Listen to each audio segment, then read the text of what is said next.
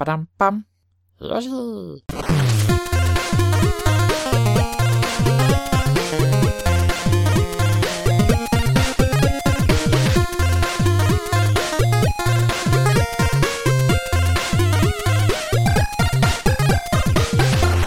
Welkom bij Buttonbashers aflevering 50. En 1. Ja, 50 en 1. 50 en het is toch niet 51? Uh-uh, het is 51. Oh, we hebben 50 nog niet uitgebracht. Die ligt nog bij Niels op Oh de plank. damn, dat is waar ook. Bingo. Oh. Welkom bij Buttonbashers. Welkom. Ja, nu gaat het helemaal niet meer. Wacht even, even een slokje. Dit soort momenten heb ik ook nodig, hè? Ja, begrijp de ik. aflevering aan te plakken. Oh ja, nou, mooi. Welkom bij Buttonbashers aflevering nummer 51. nou, En, wat, eh, wat spontaan en wat goed, Mike. Ja, ik, ik hou die nummers bij. eh, In Steve. één keer goed. Ja, ik hou dat bij. Want Ik raak is, eh, soms wel eens de tel kwijt, hoor. S- Soms moeten mensen het echt tegen me zeggen welke aflevering het is. Oké, nee, heb ik nooit. Ik zorg altijd dat ik van tevoren eventjes op eh, Soundcloud of op YouTube kijk. Of bij ons op het forum. Op Button Bashers. En dan, eh, ja, dan. En ik weet natuurlijk wat er nog aankomt. Dus ik heb daar eigenlijk nooit last mee. Dus eh, zo regelen we dat. Ja, jongens, midden in de vakantie. Ik weet niet hoe het bij jullie is, maar het komt hier met bakken uit de hemel. Ja, Het is echt eh, het meest vieze vakantie eh, weer wat je maar kan hebben. Maar Ja, eh, hier is het op dit moment nog stralend. oké, met zon ook erbij, Steve. Met Zo warm met zon erbij. Oké, nee, ik ben net eh, van eh, Enschede naar Nijmegen en van Nijmegen naar Enschede weer gereden. En ik heb alleen maar eh, ruitenwissers aangehad. Dus het is, eh, Oh, dat is niet zo fijn. Het is smerig weer. Maar goed, maar ja, Eh, vakantie is misschien niet het goede woord. Want Steve en ik hadden voordat we begonnen op te nemen het nog even erover gehad. Dat we allebei eigenlijk nog geen vakantie hebben. oké. Maar jij ook niet, Niels, want jij was vandaag in ieder geval vrij. Of was dat toevallig een dag? Ja, ik ben officieel sinds vorige week maandag vrij. Maar, Maar? eh, ik bedenk altijd andere dingen bij het woord vakantie dan de hele dag e-mails verzenden. Oh, dat, is, dat valt voor jou niet onder vakantie. Nee. Nee, nou, moet ik heel eerlijk zijn. En eh, voor mij is vakantie eigenlijk ook dat je in een winkel staat. Dat je zegt, mag ik één wit brood? En dat ze je aankijken en denken, ik weet niet wat je zegt. Dat is voor mij pas echt vakantie eigenlijk. Eh, maar ja, goed. Dat, dat is op dit moment niet. En dat Nou, doet ook nog met omrekenen. In Daar Gouda, in Gouda hebben we wel dat soort winkels hoor, Mike. ja, dan kan je gewoon zeggen, een halfje wit en dan kijken ze je aan en dan weten ze het niet. Ja, ja, die zijn er inderdaad wel. Maar goed, jongens. Ik koop ook geen brood bij de fietsenmaker. Niet. Nee. Oké, ja, daar staan ze denk ik sowieso wel raar, eh, wel raar te kijken. Eh, jongens, laten we snel van start gaan. Want ik denk dat het een, eh, een interessante uitzending wordt. Met tegenstrijdige meningen. En ehm, ja, waar, waar, waar- ja, waar de luisteraar denk ik misschien hier en daar een beetje op zijn hoofd zal krabben. Maar goed, dat hoort er nou eenmaal bij. Dat is magie. En, eh, Oh, ik dacht luizen. Luizen. Nee, ja, als je dat krijgt van deze podcast, dan is het niet goed. Dan zou ik je adviseren om het op wel andere plekken een keer te luisteren. Dan een keer op Soundcloud, dan een keer op YouTube, dan een keer op het forum. Maar even kijken waar je de minste last hebt. Maar goed, waar we wel last van hebben is waarschijnlijk van elkaars mening in de Game Talk. En eh, daar gaan we eerst maar eens even mee beginnen.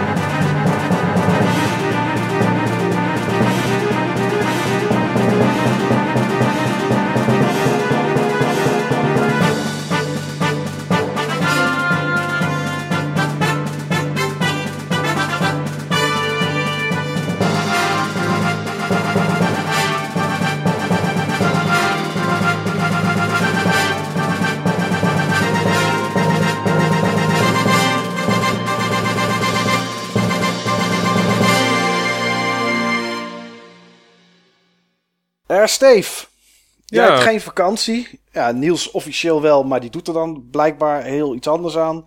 Geen vakantie, wel iets gespeeld? Ik had helemaal geen tijd om dingen te spelen, joh.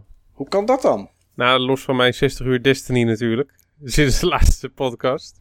60 uur sinds de laatste Ja, podcast. ik weet het niet, het is een ruwe schatting.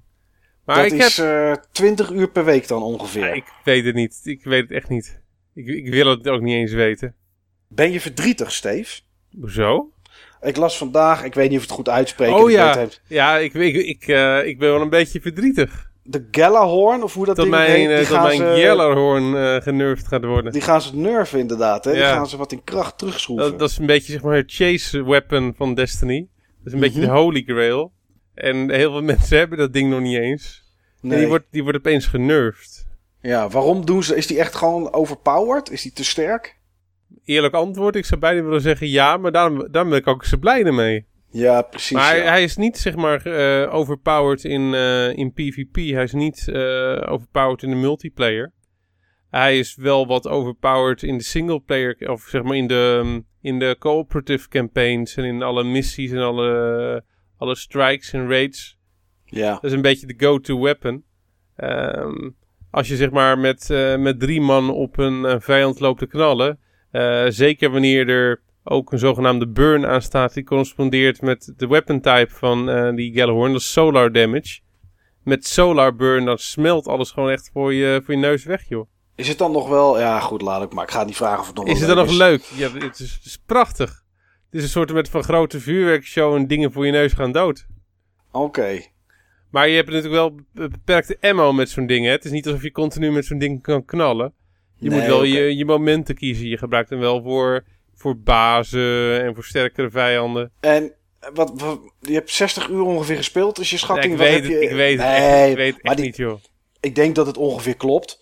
Maar wat heb je in die 60 uur gedaan? Gewoon nog steeds continu hetzelfde. Raids, PvP en, eh, en dat is het? In Destiny doen we nooit hetzelfde. Nee, alleen maar. Wat heb je gedaan eh, die afgelopen weken dan in Destiny? Nee, ik eh, ben vooral met, me- met levelen van mijn collega's eh, bezig geweest. En dus we hebben weer een collega op level 31 gebracht inmiddels. Oké. Ja, echt, ik ben er gewoon zo'n barmhartige Samaritaan. Je bent een soort blinde geleidehond, zeg maar, voor, eh, ja, voor, voor nieuwe Destiny-spelers. Ja, Dat het is- probleem is dat als ik zeg maar nu met mijn oorspronkelijke twee collega's die dit zijn gaan spelen, gaan spelen, ben ik ook standaard degene met de, de minste kills. En Oh. eerst, kon ik, eerst kon ik met, mijn, met behulp van mijn Gallahorn, kon ik bij wijze van spreken echt eh, twee keer zoveel kills hebben als zij. En nu loop ik altijd een beetje achteraan qua, qua kills. Maar loop ik altijd een beetje vooraan qua, qua keer dat ik dood ben gegaan. Oh, dus het is een beetje een soort de leerling die de meester overstijgt. Inmiddels wel een beetje, maar ik ben wel trots op ze hoor. Oh ja, omdat je kan natuurlijk zeggen dat jij ze geleerd hebt. Ja, ja, maar ik ben ook de meeste nog in andere dingen hoor, Mike. Oké, in de meeste tijd steken in die game. Ook. Ook. Maar ik heb het gewoon over hele andere dingen. Daar ben ik ook nog de meester in. Oké, is dat iets voor deze podcast of is ja, dat... het is iets, iets voor deze podcast. Oké, maar wil je dat nu vertellen of is dat iets voor later? ik, ik ben... Nou, voor later. Voor later, oké. Maar goed, Steve. Nog, nog iets dat je zegt van dat heb ik meegemaakt de laatste keer. Dat moet ik echt even vertellen over Destiny. Over Destiny? Ja, Ik maak zoveel dingen mee, joh. Ja, ik heb wel iets meegemaakt. Oh, dat was... Nou. Maar dat is echt iets... ehm, dat is alleen te snappen voor de mensen die, eh, die Destiny spelen. Oké, laat daar- allemaal zitten. daar Ik ga, hebben we, de- toch vertellen. Ik ga, toch, ga toch daar vertellen. hebben we er vast wel twee van. Kom Ja. maar. Ik was zeg maar met een, eh, met een jongen die ik ken. Die had net gezegd dat hij eh, drie exotics nog niet had. Waaronder de, de Vex Mythoclast. Dat is ook zo'n chase weapon. Die kan je alleen krijgen als je de eindbaas van een bepaalde raid eh, verslaat. Van welke raid? Eh, van de Vault of Glass, van de eerste raid. Oké. Ik, ik kreeg opeens, toen ik zeg maar met hem aan het spelen was, kreeg ik een invite van een groepje andere gasten. Even, even kijken, dus ik ga even hun party in, om te kijken wat zij precies wilden. En eh, ik zeg het zo tegen die jongen, van joh, ik ga eventjes, eh, hij zat bij, die jongen zat bij mij in mijn game. En ik zeg het zo, zeg zo joh, ik ga even hun party in. En zij waren dus met de Vault of Glass eh, bezig. Op het eind is er nog een plek over.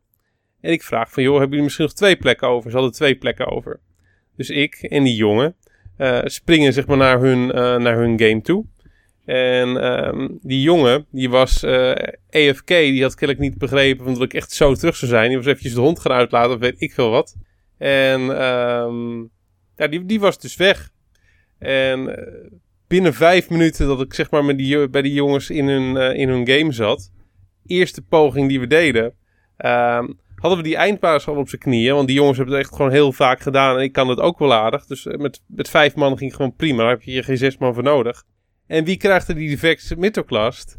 Die jongen, dus zeg maar, met wie ik er naartoe gesprongen was. Ja, maar die was op dat moment nog steeds away Die- from keyboard. Die was away from keyboard. En eh, ja, die, Volt of Glass was gewoon klaar. Dus eh, ik, eh, ik spring weer terug naar orbit. En op het moment dat we in orbit zitten, eh, dan komt hij eh, terug en vraagt hij: hey, waarom zitten we nou niet meer in die daily? En ik zeg: kijk eens in je inventory, bij je primaries. En had hij dus zeg maar opeens dat wapen. Terwijl hij er echt, eh, hij wist niet dat we naartoe gegaan eh, waren. Hij, eh, heeft, hij heeft die eindbaas niet eens gezien. Hij heeft geen kogel afgevuurd. Dan was hij wel eh, behoorlijk lucky, zeg maar. Die was dat wel behoorlijk lucky inderdaad, ja. In de eerste instantie voelde die zich de kut onder. Maar ik zei tegen hem, joh, hoe vaak heb je nou niet tegen Etion gevochten en hoe vaak heb je dat wapen niet gehad? Ja, toen voelde hij zich opeens direct in één klap beter. Ja, precies. Als je het zo vaak geprobeerd hebt en het is elke keer niet gelukt. Ja, maar ik durf wel te zeggen dat het een van... Er zijn natuurlijk miljoenen en miljoenen mensen die dit spel eh, spelen. En die eindbaas die is echt gewoon heel vaak op zijn knieën gegaan. Maar ik durf wel te beweren dat het aantal mensen wat op deze manier zijn Vex Middelklast heeft gekregen... op de vingers van één of twee handen, eh, handen te tellen is. Dat denk ik ook wel, dat ja. ze het gewoon niet eens hebben gezien. Eigenlijk wel apart bedenk me ineens dat het in Destiny AFK heet. Of noemen we het zo? Wat bedoel je? Zit hebben geen keyboard PS4. Nee, klopt, klopt. Ja, maar hoe moet je het dan noemen?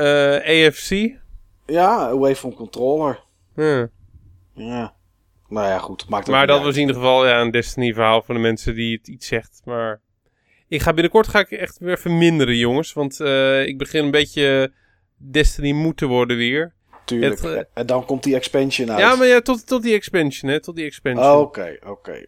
De maar ik heb, ik, alles toch? wel een beetje, ik heb alles wel een beetje weer gedaan. En eh, mijn collega's, eh, hun, eh, hun Volt begint ook steeds eh, voller te worden met spulletjes. Dus het zit er nee, even- medio even september. Medio september, 15 september. Oh, nou, even een maandje rust. Zou op zich wel goed zijn. Eh, Niels, Ja, heb je ook eh, dit soort verhalen dat je AFK was en iets behaalde in een game? Of wat is er bij jou gebeurd eh, in, in de wereld van de digitale vermaak? ik heb weer een indie game uitgespeeld. Oké, En ik weet niet of iemand van jullie hem had gespeeld, maar het is de Swapper. ja, die heb, was dat ooit een keer gratis bij... eh, is, dat dat, is dat dat zwart-wit spel? Het is niet zwart-wit, maar het heeft wel weinig tinten. Het is vooral blauw, toch? Tenminste, dat is wat ik gespeeld heb. Eh, het hangt er een beetje vanaf waar in het spel je bent. Eh het begin ben ik gebleven. Heel veel zwart-wit, maar ook af en toe wat blauw of af en toe geel en rood. Ja, Maar ik, wel- heb, ik heb even fotootjes opgezocht. Het was niet het spel wat ik dacht dat het was. Oh, oké. Bedoel jij Limbo, eh Steve, met zwart-wit? Eh, ik bedoel ook niet Limbo. Ik bedoel het spel met die twee, met die twee mannetjes. Contrast. Nee, Nou ja, dat, is een, dat is een vrouwtje. Maar maakt niet, uit- maakt niet uit. Oh. Ook, ook zo'n indie game, joh. Zo'n zo'n random uitwisselbare indie game. Precies. Nou, Niels. goed. Ja, de Swapper, Swapper. is iets meer, denk ik, dan een random uitwisselbare indie game. Althans, anders had ik hem niet uitgespeeld. Ehm, het is eigenlijk een soort Metroidvania, maar dan zonder actie. Echt puzzel gebaseerd. En het speelt zich af op een ruimteschip, de Theseus, of Theseus, als je het in het Nederlands zou willen zeggen. En jij speelt daar een soort astronaut en die heeft een apparaat en dat apparaat heet de Swapper. En met dat apparaat kun jij klonen van jouzelf in het level zetten, tot vier klonen toe. En jou kan, jij kan jouw bewustzijn, of eigenlijk je controls zeg maar, verplaatsen naar een van jouw klonen. Want meestal lopen jouw klonen precies met jou mee en die doen jouw acties na. Maar soms wil je dus een andere kloon van jou, die bijvoorbeeld op een plateau hoger staat, wil jij activeren, zodat je die kan besturen en dat de rest vanaf dat punt met jou meespringt. Nou, en zo heeft de swapper dus puzzels over een vrij groot ruimteschip en nog wat andere delen van om dat ruimteschip heen, ehm, die je dan op een Metroidvania-achtige manier unlockt. En ehm, wat ik wel grappig vond, is we hebben natuurlijk vrij recent nog zo'n aflevering over verhalen in games opgenomen, is dat dit spel ook weer zo'n vrij intieme koppeling heeft tussen je game mechanics en het verhaal. Want als ik het zo abstract vertel, van je, je creëert een kloon van jezelf en vervolgens schiet je met L, schiet je met de L-knop jouw bewustzijn naar die andere kloon.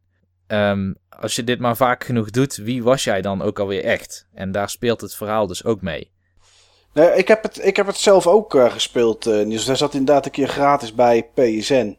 Ja. Uh, ik denk dat het wel een maand of vijf, zes geleden al is. Dus toen heb ik het gespeeld. Daarna eigenlijk niet meer. Maar ik kan me niet zo heel veel meer van het verhaal zelf heugen eigenlijk.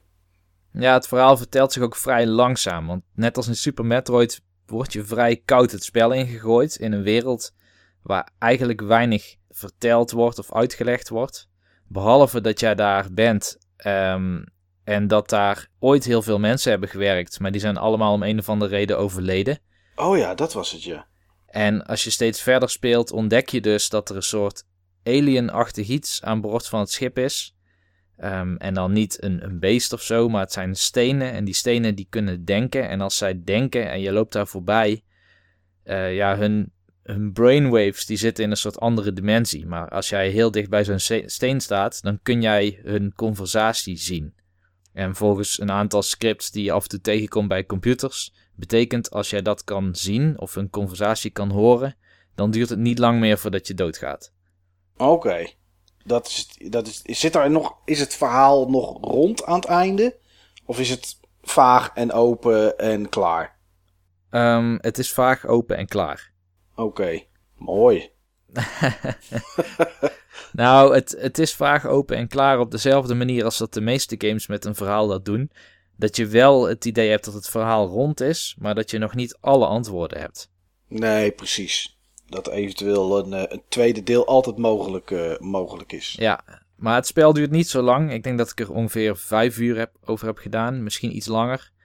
Um, dat is lekker kort ja, het enige nadeel vond ik wel dat op een gegeven moment de puzzels wel te veel op elkaar gingen lijken.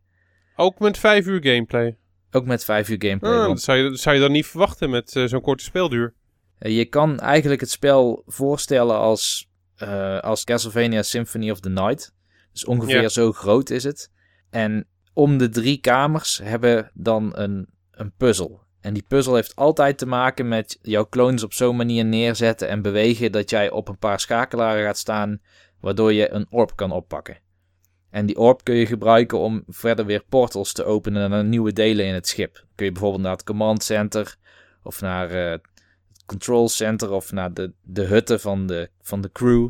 Op die manier kun je steeds verder door die wereld heen. En de puzzels worden wel steeds moeilijker. Op een gegeven moment dan uh, leer je dus ook dat als jij aan het klonen bent, dan vertraagt de tijd. Dus stel je springt ergens af en je kloont in de lucht, dan krijg je een soort bullet time effect. Waardoor jij misschien net een kloon tijdens je val op een bepaald platform kan, uh, kan plaatsen. En jouw bewustzijn daarheen kan verplaatsen. Dat heb ik, eh, die puzzel heb ik inderdaad nog wel gehad, inderdaad. Ja, en heb je dan ook nog meegemaakt dat je op een gegeven moment bepaalde lichttinten hebt waar jouw stralen niet doorheen kunnen? Ja, heb ik ook meegemaakt inderdaad, ja. Oké, nou veel ingewikkelder dan dat wordt het eigenlijk nooit. Behalve dat ja, die puzzels wel moeilijker worden natuurlijk. Ja, maar er komen geen uh, facetten bij. Nee. Dit, dit is het. Dat is het. Ja. Op zich heel knap dat ze zo'n sterk concept zoveel opnieuw kunnen gebruiken in een game. Um, maar ja, het begon wel een beetje meer van hetzelfde te voelen. Ook vooral omdat dat puzzelen is werkelijk het enige aan gameplay dat er is. Je hebt puzzelen en navigeren, maar dat navigeren wijst zichzelf wel een beetje. Ja, en je hebt dan nog het verhaal, wat misschien voor velen toch wel een soort motivator is om het spel door te zetten. Ja, ja dat was het voor mij toen op dat moment niet, maar toen ik ermee stopte na, denk ik, anderhalf, twee uur of zo, ja. daar, had je ook wel al die, al die mogelijkheden met licht in inderdaad en met die bullet time-achtige achtige kloonactie had je dat eigenlijk al wel gehad. Toen dacht ik, nou, ik ga het nog wel een keer spelen. Maar heel veel drang. Eh, nee. nee. heel veel drang zat er niet achter, inderdaad. Nee. Maar goed, op welk platform heb je gespeeld? Gok Wii U. Ik heb die op Wii U gespeeld, inderdaad. Ah ja, ja, ja. En doet, de, doet de gamepad dan nog iets? Dat is standaard in ieder geval jouw map. Ah, oké. Dus als je wilt teleporten, dan kun je gewoon naar beneden kijken. Dan druk je op een kamer. En dan ga je daarheen. Als je teleport hebt, moet ik dan wel zeggen, want het kan niet overal. Nee. Um, en voor de rest is het eigenlijk een poort van de PC-versie, net als de PS4-versie. Dus ze zien er identiek uit. Okay, het is geen okay. clone van de, van de PS3 en Xbox 360-versie. Het is wel duidelijk een stapje mooier weer dan dat. Ja. Nou, best een leuke game, vond ik het. Ja. Wat ik gespeeld heb. Ja, ik ben benieuwd. Volgens mij heb ik hem er ook gekregen via Instant eh, Game eh, Collection. Ja, daar zat hij bij.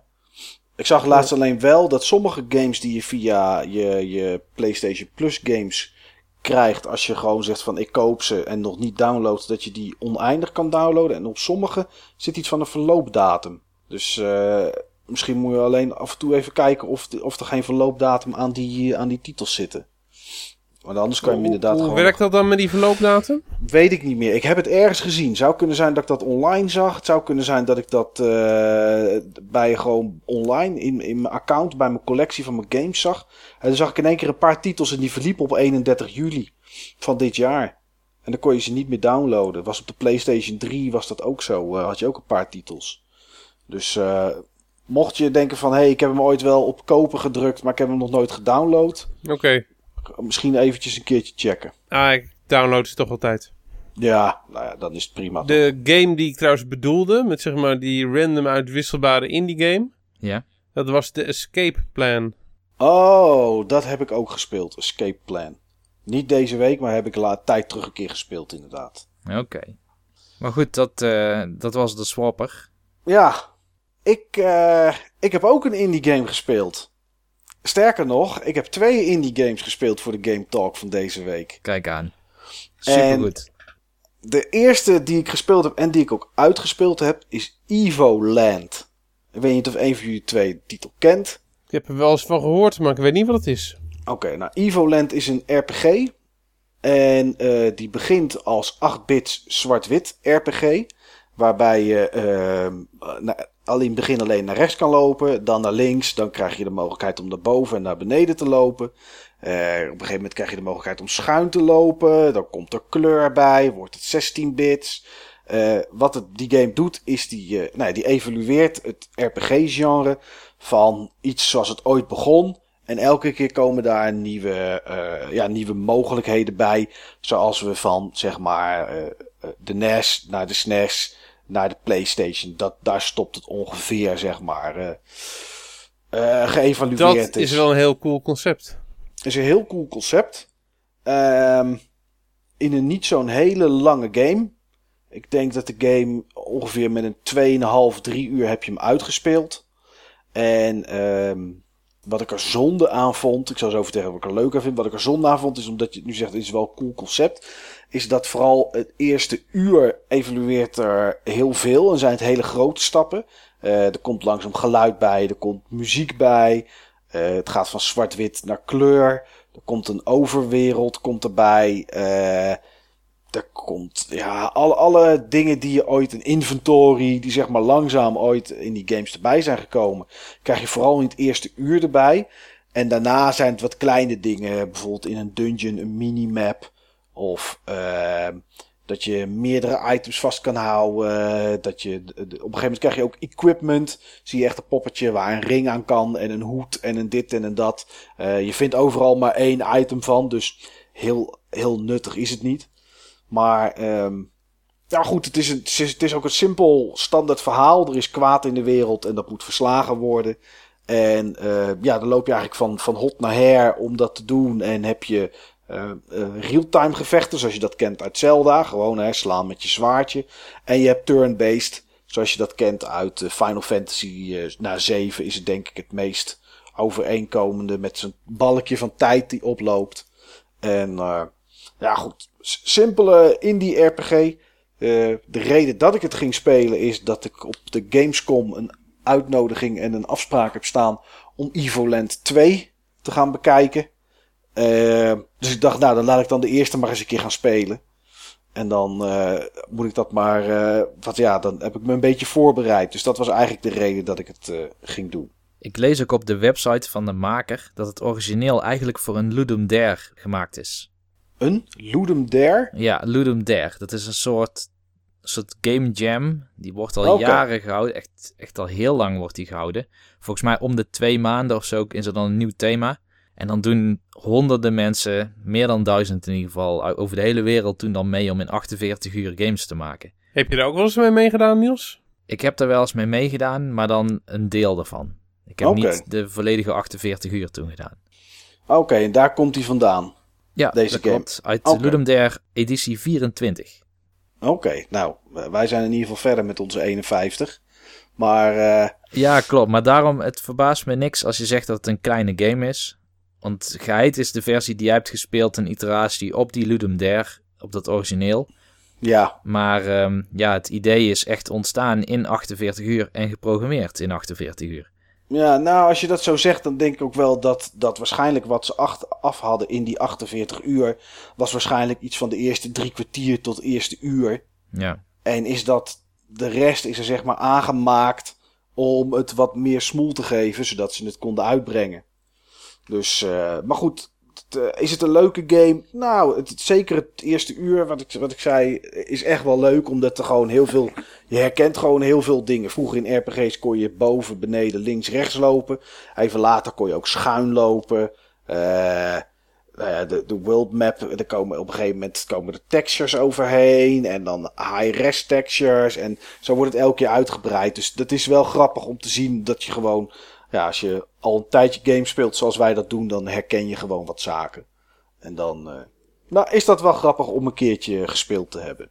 Dus dat, eh, daar heb ik iets van 2,5, 3 uur of zo eh, aan stuk geslagen. En toen, ja, toen was het uit. Steve, heb je nog iets anders gespeeld de afgelopen Destiny weken? Ja, voor het forum Oh! iets gespeeld. En Dan- eh, daarin hoop ik, zeg maar, een eh, kleine masterclass eh, te geven. Ah, daar was jouw referentie van de meester Daar aan. was mijn referentie van de meester aan. Het is er nog een beetje afwachten. Ik moet niet te vroeg juichen. Op dit moment heb ik zelfs helemaal niks om te juichen. Want ik sta op dit moment tweede. Oké. Dat is in de retro challenge van Super Smash TV. Ja, de retro challenge van de maand juli bij ons op het forum inderdaad. Ja. Maar dan ben ik toch benieuwd, Steve. Want we weten dat hè, het is een titel die jij vaker hebt genoemd in allerlei podcasts. En wel een van je favoriete titels is. Misschien wel je favoriete titel. Hoe komt het dat je tweede bent? Omdat, en ik, niet eerste? omdat ik ook een score had van 4,8 miljoen. Mhm. Maar tot ik daar klaarblijkelijk van vergeten was een foto te nemen. Oh. Maar dat maakt helemaal niet uit, want dat was toch een eh, probeerseltje, die, eh, die manier van spelen. Ja. En ik was toen best wel vaak dood gegaan en ik had helemaal niet zo goed gespeeld. eh, en ik was nog steeds 200.000 punten hoger uitgekomen dan mijn, eh, dan zeg maar mijn eerste score. Dus ik had zoiets van, hey, here's a concept that works. Dat moeten we binnenkort nog een keer eh, doen, maar dan even goed. Oké. Dus eh, meer punten is zeker mogelijk. Oké, oké. En en dit was de punten die er nu staan, zeg maar, waarmee je tweede bent. Is dat Dat is mijn eerste poging. eerste poging? Oké. Ja. kijk, dat is niet verkeerd. Nee. Eerste poging, meteen tweede. Nou, ik was eerste, hè, maar eh, Joey, is er, eh, Joey is er overheen gegaan. Ah, oké. En eh, mijn tweede poging was direct 4,8 miljoen punten. 4,8 miljoen nog wat. Maar daar heb ik dus geen foto van, dus dat telt op dit moment eh, niet. Nee. Maar dat, ehm, nou, dat ga ik wel verbreken hoor. Daar ben ik helemaal niet bang voor. Maar die 4,8 miljoen, was dat dan wel de eerste plek geweest op dit moment? Dat was de eerste plek geweest, ja. Oké, oké. Eh, hoe lang... du- Want ik weet, ik, ik ken de game voor de rest niet, qua dat ik hem niet heb en, en, en dat soort zaken. Hoe lang doe je over gemiddeld over zo'n potje om tot 4,8 miljoen punten te komen? 15 minuten, denk ik. Oké, en dat is dan 15 intense minuten, gok ik. Volgens mij 15 tot 20 minuten, misschien iets meer. Het is alleen, eh, het is alleen zeg maar level 1. Het is eh, easy mode. Oké, Eh, dus ik weet het niet eh, precies. goed te doen in ieder geval. Maar je Ja. gaat in ieder geval nog een gooi doen naar de eerste plek deze Oh, maand. absoluut, absoluut. En voor mij is het niet zo heel erg intens hoor. Ik heb dat spel zo vaak gespeeld. Ja, oké, dat, is, dat is natuurlijk zo. En je hebt, niet, eh, je hebt geen theedoek erbij gebruikt. Ik heb geen theedoek gebruikt, inderdaad. Oké. nee. Zelfs dat niet. Nou ja, als je dat nog doet, Steve, dan moet het helemaal goed komen. Daarmee ga ik mijn spel gewoon perfectioneren. Ja, zeker weten. Dan gaat die 5 miljoen eraan. Weten we wat het hoogste haalbare is? Heeft iemand het toevallig uitgezocht, opgezocht? Of ik zit heb, er wel geen een, ik heb wel een schatting. Ik denk dat, ehm, ik denk dat het moeilijk is om over de 5 miljoen heen te gaan. Maar op dit moment denk ik wel dat het wel kan. Volgens mij, ik, ik verwacht dat het ergens ligt tussen de, tussen de 5 miljoen en de 5,5 miljoen. Dichter tegen de 5 miljoen aan. Ja, precies. Hm. Maar meer dan 5 miljoen, dat moet wel kunnen. Maar dan moet je wel ook geluk hebben met je drops hoor. Er zit ook een deel RNG in. eh, In, Ah. Super, in eh, Super Smash TV. Ze moeten ook niet bovenop mijnen vallen of zo. Ze moeten niet bovenop mijnen vallen, inderdaad. Ja, dat is, eh, Zonde. dat is een beetje jammer. Oké, dus met een Nou, beetje daar- geluk. Daar zijn oplossingen voor hoor, maar die werken niet altijd. Oké, dus een beetje geluk is wel nodig. Maar voor de rest, skills van de meester. Ja, ik, wat ik er leuk aan vind aan deze challenge, is dat ik dat spel nu ook echt anders speel dan ik het normaliter zou spelen. Eh, Vanwege de challenge of door Ja, je jarenlange van- ervaring? nee, vanwege die challenge. Oké. Ehm, die 4,6 miljoen die had ik gehaald op de manier zoals ik normaal gesproken altijd zou spelen. Maar ik had nagedacht van, hé, hey, hoe kan ik dat nou maximaliseren als ik puur gewoon voor de punten ga? En eh, dat heb ik helemaal niet goed uitgevoerd. En nu kwam ik direct op 4,8 miljoen. Oké. Dus het is ook gewoon leuk om op die manier gepusht te worden om een spel wat je echt door en door kent. En dat is bij Super Smash TV bij mij absoluut zo. Het spel heb ik echt heel vaak gespeeld. Het was mijn vijfde SNES game ooit. En ja, het is gewoon grappig om een spel anders te beleven op die manier. Ja, Vond, vond ik echt heel leuk. En dat is voor mij ook een van de dingen eh, waarom onze retro challenges, of zeker op het moment dat ze aanslaan en veel mensen aan het spelen zijn, zo leuk zijn. Nou ja, goed. En, en leuk om te zien dat je toch dan na al die jaren toch nog op een ander soort manier kan spelen, Steve. En eh, ja, goed, dan toch nog gepusht wordt om, eh, om een keer over die 5 miljoen te gaan. Ja, gaan we voor. Dat is mijn eh, doelstelling voor de komende weken. Nou, dat klinkt goed. Destiny aan de kant en gewoon alleen maar Ja, jongen. Als ik daar 60 uur in stop, dan moet dat toch wel te doen zijn, toch? Ik denk het wel, als die potjes 15, eh, 15 tot 20 minuten duren, Ja. dan, moet dat, dan moet dat lukken. Oké, nice. Eh, Niels, heb jij verder nog iets gespeeld? Ja, ik heb vrij recent Mega Man 2 en 3 uitgespeeld. En was inmiddels al begonnen aan deel 4. Oké, En het leek mij wel aardig om een keer te kijken naar wat nou de verschillen zijn tussen die games. Want heel veel mensen die hebben als favoriet deel 2 of 3. Tenminste, volgens mij zijn dat de twee populairste delen uit de serie. zover ik begrijp ook ik inderdaad. denk het ja. wel, 2 en 3. Ja, en bij 2 begrijp ik het denk ik wel, want 2 is de gemakkelijkste uit de serie. Tenminste, van 1 tot met 4 die ik tot nu toe heb gespeeld, vond ik 2 het makkelijkst en het snelst ook om uit te spelen. Dus ik gok dat dat de reden is. En omdat het een grote sprong was ten opzichte van deel 1. Want je had gewoon meer van alles. Meer eindbazen, meer wapens. Die geheime wily levels met betere muziek ook. En ja, toen ik deel 3 speelde afgelopen tijd, toen dacht ik wel van ja, maar deze vind ik eigenlijk veel, veel beter nog dan deel 2. Nou ja, het is in ieder geval mooi. Er zijn zat game-reeksen waarbij het afneemt. Maar dat je nu na al die tijd toch ziet dat het eigenlijk alleen maar beter is geworden. Vond, Ja. je de, vond je de level designs ook beter? De- vooral de level designs. Want deel 2 heeft eigenlijk hele korte leveltjes. En het zijn wel hele pure leveltjes op een bepaalde manier. Ehm, het maakt Heel, heel zo- gefocust inderdaad, ja. heel gefocust. Het maakt ook niet zo heel veel uit welke powers je al wel of niet hebt. Als je ze gaat spelen. In de Wily levels wel, maar dan heb je als het goed is alles al. Maar ehm, in de normale Robotmaster levels, waar je het spel mee begint, die acht zijn het er geloof ik. Dan ehm, maakt het eigenlijk niet zoveel uit. Bij deel 3 heb je soms Rush nodig. Die was geïntroduceerd in deel 3, dat is die hond. Wat sowieso leuker is dan generiek item 1, 2 of 3, wat je in deel 2 had. Ehm, maar die hond die omvat nu eigenlijk die drie items die je toen had. Dus hij kan een springplank zijn, een soort surfboard zijn dat dan door de lucht heen beweegt. Ehm, maar vooral die levels, ja, ze zijn een stuk langer. Een stuk langer. En ik had ook het idee dat ze iets meer thematisch doen wat bij die bazen paste. En dat trok mij wel aan daar. Oké, en nu was je begonnen aan 4. Ja, en 4 is nog veel gefocuster qua levels. 4 heeft elk level een gimmick. En dat is op zich goed, want dat, hebben alle Mega Mans. Elk level heeft een bepaalde gimmick. Eh, sowieso zijn al die bazen zijn allemaal verschillende gimmicks. Alleen bij 4 schiet dat soms een beetje het doel voorbij. Naar mijn mening in ieder geval. Omdat je duidelijk levels hebt die alleen maar draaien om op pendula gaan staan. En van de ene naar de andere springen. Of een level wat helemaal bestaat uit buizen die de hele tijd onder je voeten verdwijnen.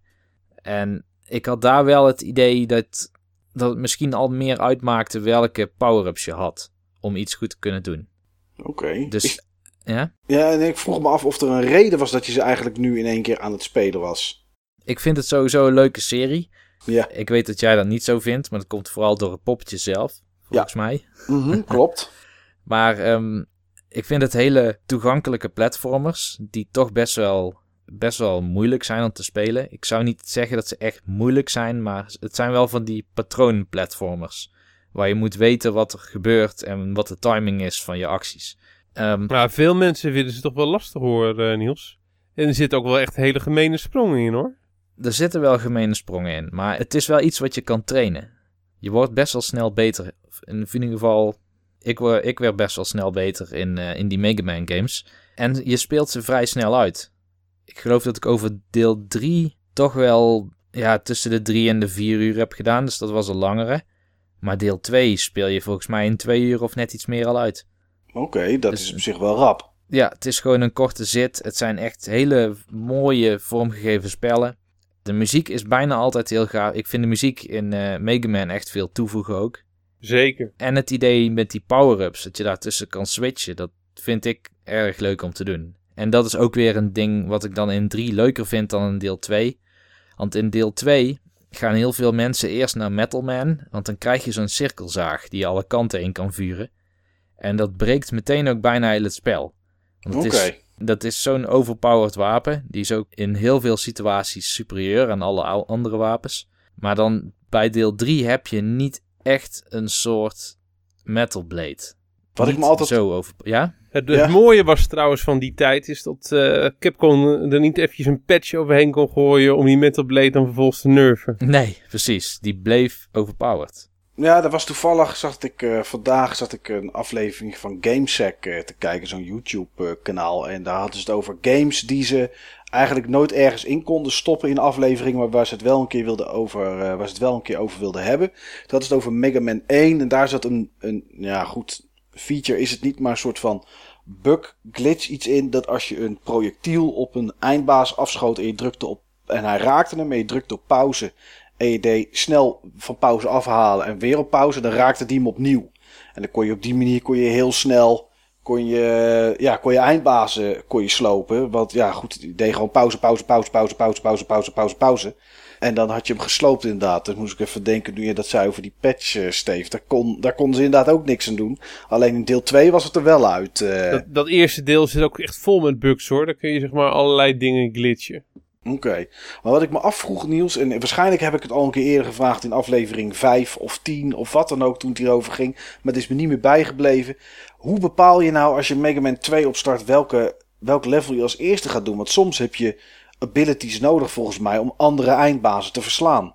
Ehm, ja, je hebt in ieder geval in de Wily levels wel abilities echt nodig. Dus als je daar geen energie meer hebt voor een wapen, dan is het jammer.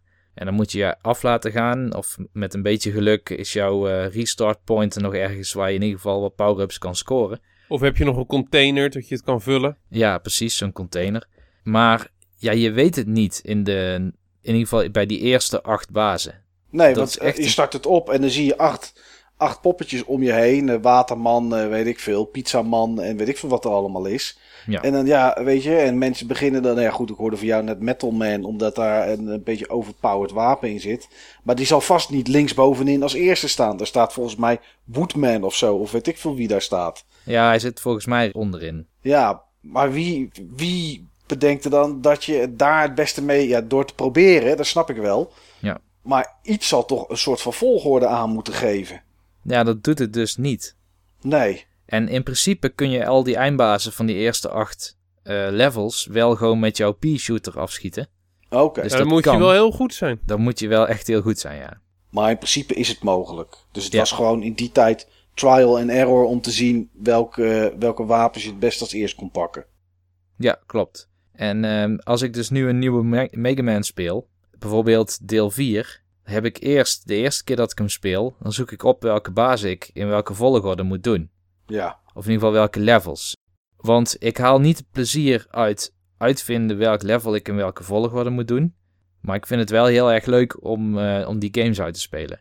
Ja, Maar precies. als je dat zelf moet gaan uitzoeken, dan ben je meteen 12 uur verder. Snap ik. Ja, logisch. Oké. Dus ja, En vroeger had je daar de tijd voor. Vroeger was je onwijs blij van dat je dat 12 uur jezelf mee kon vermaken. Ja, dat was blij dan als had je weer een had, game je, had. had je maanden voor een spel gespaard. Ja, Maar ja, tegenwoordig is er zoveel. En uh, oké, nou ja, duidelijk. Kijk, het geldt natuurlijk niet voor alle spellen. Hè? Bij zoiets als Dark Souls of Bloodborne, daar wil ik absoluut niet weten waar ik naartoe moet. Want daar is, echt gewoon de harde, de harde essentie van het spel. Ja, de harde essentie van het spel, nou in ieder geval bij Dark Souls dan, is om uit te vinden waar je heen moet. Ja. ja. Maar goed, Michael. Ja, ik heb dus nog een indie game gespeeld, jongens. Ehm, misschien dat jullie deze wel iets zegt, al gok ik van niet.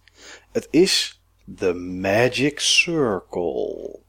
We hebben er nog nooit van gehoord. Zeg me helemaal niks. Oké, The Magic Circle is een game die ehm, door een nieuwe indie studio gemaakt is. Het zijn ehm, ex-medewerkers van uh, die aan Bioshock gewerkt hebben. En dat was eigenlijk een reden dat ik dacht van oké, dan ga ik het spelen. Want dan ben ik wel benieuwd wat daar uit die creatieve minds gekomen is. En The Magic Circle is een, uh, ja, het is een game die niet af is. Maar dat is dan ook de gimmick van het spel. Je bent een soort tester, een soort, soort beta-tester. En uh, je begint in een wereld die bijvoorbeeld geen kleur heeft, waar sommige dingen nog concept art zijn, waar sommige dingen nog geen textures hebben. En um, terwijl je aan het lopen bent en aan het spelen bent, komen er twee ogen in het beeld. En dat is zeg maar de producent van de game en zijn vrouw. En met, zij met z'n tweeën uh, maken de game. En ze moeten een demo klaar hebben om uit te geven. En ja, jij bent eigenlijk een soort van tester die door de wereld heen loopt. Um, en op een gegeven moment word je gedelete. Omdat daar een, een, een, Je krijgt een gevecht tegen een soort van eindbaas. Maar de producent van de game, de, de, de, de man in dit geval, vond eigenlijk dat de game zonder wapens moest zijn. Dus je staat daar zonder wapen. Uh, ja, dan ga je dood en word je gedelete. En kan je eigenlijk aan de achterkant van de game komen. En daar kan je ja, allerlei zaken doen die een ontwikkelaar zelf zou kunnen. Wat er bijvoorbeeld uh, de grote truc van de game is dat als je tegenstanders uh, tegenkomt, kan je ze een soort van pauzeren. Dan kan je ze editen. En dan kan je bijvoorbeeld hun, hun, hun mogelijkheden, hun abilities kan je van ze afnemen. En die kan je later dan weer op andere tegenstanders kan je die toepassen. En zo moet je eigenlijk een beetje puzzelend door de wereld heen. Het is uh, een vrij aparte, vrij aparte game. Omdat je, je krijgt, ja, als je bijvoorbeeld in het begin op een deur klopt, dan staat er temp. Zo van, ja, hier moeten we nog iets tikken over een bewoner die erin zit. Als je een wapen uh, in je handen krijgt, dan is dat eigenlijk ook maar half af. alles is eigenlijk maar half af. Maar dat hoort in dit geval zo. En ja, je komt dus aan de achterkant van die game terecht. En praat met een soort van ja, AI-achtig figuur die jou helpt om, om door de game heen te komen. Ja, op die manier moet je puzzels oplossen. Ik moet zeggen, het, het klinkt eigenlijk best wel interessant op een bepaalde manier. Snap ik. Nou, dat was ook de reden dat ik het ging spelen. Omdat ik dacht van, oké, nou, ik ben wel benieuwd um, wat ze er dan mee doen voor de rest. En ik heb het niet uitgespeeld. Ik was ook op een gegeven moment, stond ik op het punt om te stoppen. Omdat ik dacht van, ja, een beetje boring. Die figuren interesseerden me niet zo die dat aan het vertellen, waren, aan het vertellen waren. Die man en die vrouw. Ehm, die dan ook op een gegeven moment ruzie krijgen. En de een heeft een ander idee erover wat ze moeten doen, et cetera, et cetera. En ja, dat gaat dan een beetje, de, alle, allerlei kanten gaat dat dan op. En het houdt de gameplay ook wel een beetje op. Want je, staat vaak echt stil als die met z'n tweeën aan het praten zijn. Maar toen ik op een gegeven moment uh, mogelijkheden, abilities weg kon halen bij, uh, bij vijanden en die op anderen toe kon passen, was dat op zich wel grappig. Zo was er bijvoorbeeld om even een idee te geven wat, hoe, het, hoe, het, hoe het werkt. Um, je komt een, een, een, een poppetje tegen en die pauzeer je. Dat kan je doen door een soort van ja, blur-achtig iets onder hem te schieten. Een beetje vaag iets, dus daar ga ik voor de rest niet te veel op in. Nou, dat, en dan edit je dat, uh, dat poppetje en die heeft dan bijvoorbeeld, uh, uh, kan zich bewegen over. Nou, dan staat, staat daar grond bij. Nou, die ability neem je. Heeft als vijand die en die, is loyaal aan dat soort poppetjes of dat soort types. kan je oppakken, kan je uitzetten of aanzetten. Nou goed, dan neem je bijvoorbeeld van een robot die met zijn stroom de deur open kan doen. Daar neem je alle abilities af. En dan pak je een rat die ergens in het veld loopt. En die geef je de ability om die, uh, om die stroom zeg maar, te hebben. Waar die de deuren mee kan openen. En die geef je de eigenschap dat hij trouw is aan uh, de speler. Aan de hero in dit geval. Nou goed, die rat loopt dan continu achter jou aan, want hij is loyaal aan jou. En als jij dus langs een deur komt waar stroom voor nodig is om die te openen, dan zet die uh, rat zet die deur onder stroom. En dan kan je door die deur heen. En dat is een beetje. En dan kan je ze ook sturen. Je kan waypoints kan je maken. Zeggen van ik wil dat je daar naartoe gaat. En dan gaat hij daar naartoe. Bijvoorbeeld als je twee. Uh, uh, twee panelen hebt om een lift te openen. Dan kan je die rat ergens naartoe sturen. En dan ga je zelf op die andere staan. En dan krijg je die soort AI, die soort god, voice-over, hoe je het ook maar wil noemen. Die zegt dan, oh kijk, zie je, ze zijn niet zo heel goed met programmeren. Want ze checken niet eens of er een andere human staat. Als er maar iets staat, vinden ze het goed. En zo krijg je een beetje, ja, misschien een beetje inzicht in hoe programmeren of hoe het ontwikkelen van een game werkt. Met later bugfixes en dat soort dingen allemaal. En weet je eigenlijk waarom de game de Magic Circle heet? Ja, dat weet ik. Want het wordt, uh, denk ik althans, of dat moet later nog uh, veranderen. Maar in het begin wordt dat eigenlijk gelijk wel verteld in een soort van halve intro. Oké, heeft dat iets te maken met het concept de Magic Circle in game theorie? Um, nou goed, ik ken niet het concept de Magic Circle in game theorie. Dus ik weet niet wat dat inhoudt. Wat houdt dat in het kort in? Ja, dat is een gametheorie van Johan Huizinga, een Nederlander toevallig. Die heeft een boek Homo Ludens geschreven, de okay. man die speelt. En uh, Magic Circle, daarmee bedoelde hij dat wanneer je een spel speelt, dat ging natuurlijk nog niet over computerspellen, maar die theorie die kun je ook verplaatsen naar computerspellen, dan demarkeer je een ruimte waarbinnen die gebeurt. Bijvoorbeeld, uh, we gaan een tikkertje spelen. Je mag alleen komen binnen de speelplaats. Ja, ja, ja. Dus niet van het, niet van het schoolplein af en niet verder dan die boom. Precies. En op het moment dat jij uit die ruimte stapt, dan doe je ook niet meer mee aan de game. Dus die, die game die telt alleen binnen die ruimte. En binnen die ruimte heeft ook alles van die omgeving een andere betekenis. Nou, ik denk dat dat eigenlijk wel van toepassing is. Oké. Want uh, je zit in een gedeelte wat zogenaamd bijna af moet zijn voor de demo die ze naar een beurs of weet ik veel waar ze naartoe gaan, daar mee willen nemen. Ja, dan gaat iets mis, jij wordt gedelete. En dan kan je ook bij alle onderdelen die gedelete zijn, of inderdaad achter de game wat niet af is. En ja, dat je stapt de game in en uit, als het ware, toch? Precies. Ja. Oké, nou ik wist niet dat het daarmee eh, van doen had. Ik dacht dat het te maken had met de ring waar het, eh, het verhaal over gaat. Tenminste, een klein stukje verhaal gaat namelijk over een ring van je vader en die moet je terughalen of zo. En ik dacht, nou, ring is rond, dit is mijn Magic Circle. Maar in, in dit geval eh, weet ik dus even iets meer over deze, over deze titel, Niels. Kijk aan. Ja. Ja, dus ik heb niet uitgespeeld, ga ik ook niet doen. Ik was er wel een klein beetje klaar mee, moet ik heel eerlijk zeggen. En, eh, maar goed, ik, ik wilde het proberen omdat ik, eh, ja, ik had van de game gehoord. En ik dacht van, nou ja goed, ik ga dat, hè, ex-Bioshock medewerkers, misschien is het interessant. Maar dit waren voor mij dan net even niet degene die lead design hadden gedaan bij Bioshock, hoop ik. Want ja, dat vond het niet zo heel erg boeiend. Maar goed, de Magic Circle dus iets wat ik gespeeld heb. Ehm, ja, en dat sluit eigenlijk eh, qua titel weer perfect aan bij het hoofdonderwerp van vandaag. Magic Circle. Want we gaan het namelijk hebben, jongens, over de Nintendo Magic.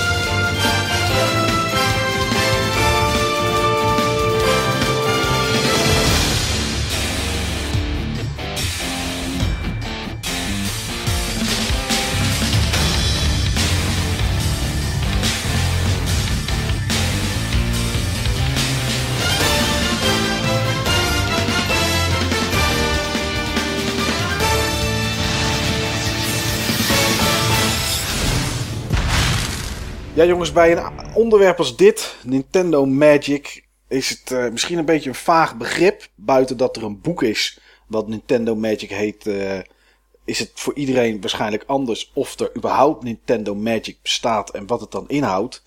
Dus ja, Steve, steek maar van wal als ik tegen jou zeg Nintendo Magic. Wat is voor jou Nintendo Magic? Um, dat is voor mij een statement die ze volgens mij ook redelijk lang als slogan hebben gebruikt. Al intern dan, niet extern. Niet zeg maar to make things better of zo. Maar dat nee. was uh, bringing smiles on gamers' faces. Oké. Okay. Hmm. Het zou me niks verbazen als dat inderdaad hun interne slogan is. Nou, volgens mij is dat gewoon echt zo. Dat zou wel de reden zijn, of de, de, misschien de bepaling van de titel van dat boek wat er is. Ik heb het boek niet gelezen, maar ik zag dat het er was. En het heet inderdaad de Nintendo Magic heet dat. Uh, Oké, maar is dat het voor jou zelf ook? Voor een deel. Voor een deel. Ja, uh, magie is vaak. Ik vond het, toen we dit onderwerp afspraken, vond ik het direct een heel leuk onderwerp. Ja. Uh, Nintendo heeft zeker ook gewoon een bepaalde magie voor me. Uh, zeker op het moment dat ik begon met Nintendo, toen ik Nintendo ontdekte, dat kwam gewoon echt hard binnen. Alleen ja, wat is magie? Een van de elementen van magie is dat vaak een combinatie van factoren is die zich vrij lastig laten omschrijven. Ja, en vaak maar ongrijpbaar. Ik, ongrijpbaar is. Dus ik ben heel benieuwd waar we op uit gaan komen, mannen. Ja. Als je een, uh, eventjes voor het idee, als, als ik tegen jou zeg Nintendo Magic, is er dan een titel die bij jou zo in je gedachten springt? Dat je denkt van ja, als er één Nintendo titel is... Die Eén? Ja, Eén? eentje. Ja, Oeh. één titel dat je zegt van deze game, door Nintendo gemaakt, is voor mij eigenlijk, omschrijft wel echt Nintendo Magic. Ga ik toch vals spelende twee noemen. Een recente ik, en een niet recente. Ik had niet anders verwacht, kerel. Uh, The Legend of Zelda Link to the Past. Ja. En Super Mario Galaxy. Oké. Okay. Oké. Okay. Nou, gaan we voor de rest nog even niet diep op in Baron. Daar komen nee, we straks we wel... Parkeer, uh... We parkeren ze even. We parkeren ja. ze even. Niels. Ja? Heb jij een ander idee bij Nintendo Magic? Ja, ik heb eigenlijk dit onderwerp niet echt goed voorbereid. Want ik dacht dat ik uh, daar al wel een mening over kon vormen zodra we op gingen nemen. Maar bij mij betekent het eigenlijk, en dan bekijk ik het misschien weer meer Nintendo als ontwikkelaar dan mijn ervaring als, uh, als gamer. Mm -hmm. Maar um, op de GDC van 2011, toen spraken een aantal mensen van Retro Studios. Die hadden een, uh, een discussiepanel. Oké, okay, even voor de mensen die het niet weten. GDC is Gamer Developers, Developers Conference, hè, waar ja. alle game developers bij elkaar komen. Game Developers Conference, inderdaad. Daar ben ja. ik zelf twee keer geweest. Ik was er alleen niet de keer dat Retro Studios er was. Dus dit is iets wat een collega van mij uh, aan mij heeft doorverteld. Wat ik later heb teruggekeken in de GDC Vault. Waarin alle lezingen als video opgeslagen staan. Oké. Okay. Het ging dus over het maken van uh, Donkey Kong Country Returns. Dat is een Wii-game. Dat is de vierde game in die Donkey Kong Country-serie. En um, het was de eerste keer, nee, het was de tweede keer natuurlijk dat Retro Studios met een Nintendo IP werkte. Want daarvoor hadden ze Metroid Prime al gemaakt. Ja. Maar Donkey Kong Country was in ieder geval een IP die ze indirect via Rare hebben gekregen. Want Rare heeft eigenlijk de originele delen gemaakt. Ja, die voor de SNES. Ja. Alleen in dit geval werkten ze dus extra intiem samen met bepaalde producers bij Nintendo zelf, dus uit Japan. En dat betekende dat ze elke keer een uh, videoconferentie hielden over wat de updates waren. En op een gegeven moment zou Miyamoto langskomen bij Retro Studios. En die zitten in Texas, als ik me niet vergis. En toen lieten ze hem het eerste level spelen. En ze vertelden toen, en nou kom ik in de buurt van wat ik bedoel met uh, Nintendo Magic dat het eerste wat Miyamoto deed was hij pakte de controller en hij liep met Donkey Kong naar een plat stuk level waar helemaal niks te doen was. Dat vonden die developers dan raar, want ze hebben natuurlijk allerlei interessante platformelementen bedacht en nieuwe beestjes gemaakt die je dan moet verslaan en zo. En power-ups die je kan pakken. Maar dat was niet waar Miyamoto in geïnteresseerd was. Maar hij pakte dus een plat stuk level en hij ging vijf minuten lang, of misschien nog wel langer, alleen maar van links naar rechts lopen. Hmm en rennen met Donkey Kong. Voor en, het gevoel of zo. Precies, het ging hem om het gevoel. Het ging hem over hoe exact bestuurt dit spel. En Nintendo is daar volgens mij extreem precies in. Voor de basic controls van de game, dat die echt helemaal goed moeten zijn. Dat daar echt niks aan schort. En dat dan vaak op een hele stabiele framerate ook. Een onstabiele framerate um, saboteert in veel gevallen jouw spelervaring. Dat heb je vast zelf ook wel. Hè. Tuurlijk, dat resulteert gewoon in, in, in een niet prettig spelende game. Ja, precies. En zij willen in de basis een zeer prettig spelende game. En pas daarna gaan ze de rest daaromheen bouwen. Ik heb laatst ook een, uh, een Iwata Asks gelezen. Die ken je misschien wel. Het zijn van die, um, van die developer interviews. Ja. Die hij dan afnam en, uh, en op de website plaatste. En dat was de Iwata Asks over Splatoon.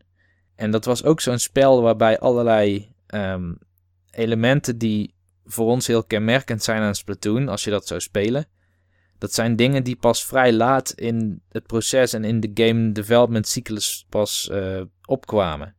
Okay. Bijvoorbeeld dat je überhaupt een mens bent die in een inktvis kan veranderen. Dat was iets wat heel laat pas in het proces duidelijk werd. Wat toch eigenlijk een van de core dingen is van de game, naast het schieten zelf van verf. Ja, precies. Maar wat ze eerst hadden was gewoon een hoop kubussen. Zij noemden het blokken tofu. um, die op elkaar konden schieten. En die uh, zeg maar in de paint of de verf, de inkt is het eigenlijk, konden verstoppen en daarin heel snel konden bewegen. Oké. En um, toen dachten ze van ja, maar hoe, hoe kunnen we nou iets verzinnen wat tussen die twee states kan switchen? Dus de state dat je gewoon rondloopt en schiet en de state dat je in de inkt zit. En toen hebben ze bedacht van nou, dan maken we gewoon een karakter die kan veranderen in een inktvis en weer terug klinkt op zich helemaal niet gek natuurlijk. Maar dat werd dus echt pas besloten nadat die game al helemaal goed draaide.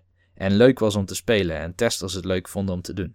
Oké, dus voor jou, voor jou uit jouw oogpunt zit de magic zeg maar meer in de controls, in echt de hele platte basis. En de zorg dat die goed is. Ja. Oké. Dus als ik tegen jou zeg een game die voor jou Nintendo Magic heeft, komen we dan ook uit bij Splatoon? Of kom je dan bij oh, Splatoon heeft absoluut Nintendo Magic, maar het is wel een nieuwe Nintendo, denk ik.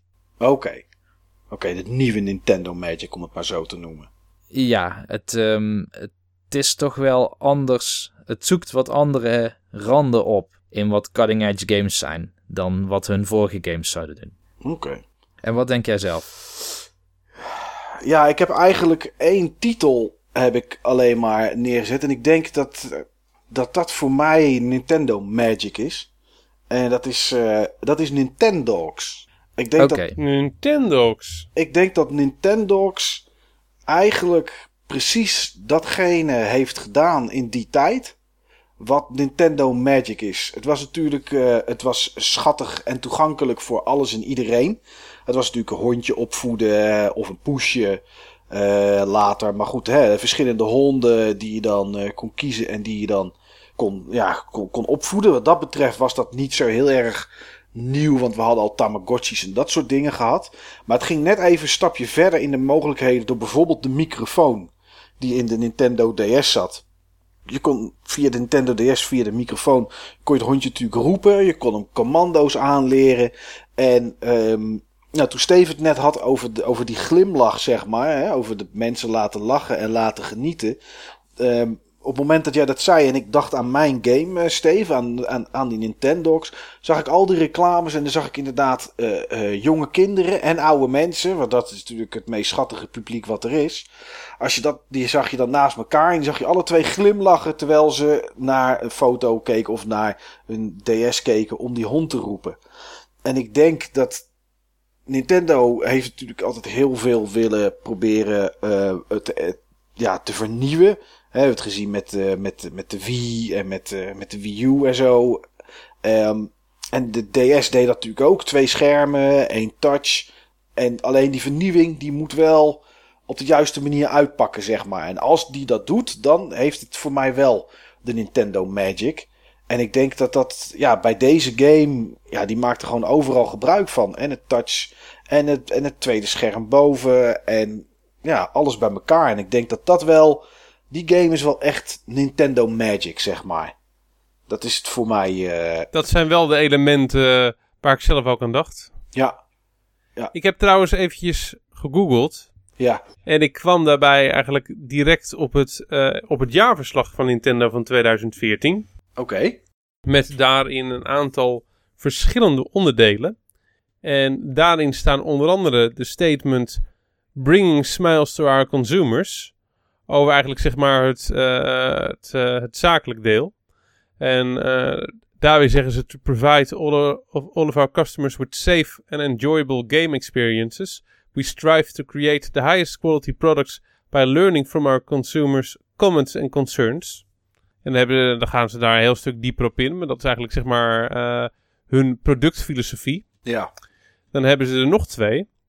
Ehm, Bringing Smiles to the Community. Dat is zeg maar een stuk eh, eh, MVO eigenlijk. Eh, van, wat natuurlijk hot is binnen bedrijven. MVO, maatschappelijk verantwoord ondernemen. Ja. eh, corporate citizenship. En dat komt ook terug in hun eh, environmental gedeelte. Bringing Smiles to Future Generations. oké. Dus dat, dat is dat Bringing Smiles. Is het iets wat ze zelf ook eh, eigenlijk overal in doorvoeren. Ja. Ja. Nou, je ziet het natuurlijk ook veelvuldig in elke reclame die ze, die ze hebben. Het zijn altijd alleen maar glimlachende mensen die altijd plezier hebben. En hun hoofd, hun hoofdstatement, waar dit allemaal van afgeleid is, wat, in, wat ook direct in de samenvatting van het rapport staat, is Putting smiles on the faces of everyone Nintendo touches. Hmm. Oké, dus iedereen die in aanraking komt met een product van Nintendo moet eigenlijk, zou dan gelijk een glimlach op zijn gezicht moeten krijgen. Die zou ja, er of, plezier of in moeten bijvoorbeeld, hebben. of zeg maar, eh, ook mensen zoals jij, eh, Mike de Pers en ehm, eh, eigenlijk gewoon iedereen die met ze te maken heeft. Ja, goed. Ik denk dat dat wel vanuit het intern oogpunt wel een redelijke omschrijving is van de Nintendo Magic inderdaad. Want dat is natuurlijk ook wat Magic, goochelaars, illusionisten en dat soort dingen natuurlijk doen. Altijd zorgen dat het eindigt met een glimlach. Welk product ze ook hebben. In, ehm, in magietermen noemen ze dat de prestige. Ja, ja, inderdaad. Ah, oké. Nou, mooi dat dat erin staat. Eh, komt ons, ons gevoel toch wel redelijk in de buurt bij wat hun zelf zien als Nintendo Magic. Zo noemen ze het dan niet. Maar dat is toch wel knap. Dat je als bedrijf dat als filosofie hebt. En dat wij toch allemaal wel... Ja, goed, nieuws kijkt, kijkt even vanuit een ander oogpunt. Meer als developer eh, oogpunt. Maar dat ik dan toch met iets kom, en jij ook, eh, Steve, met, ja, met glimlach, zeg maar. Met echt met het plezier.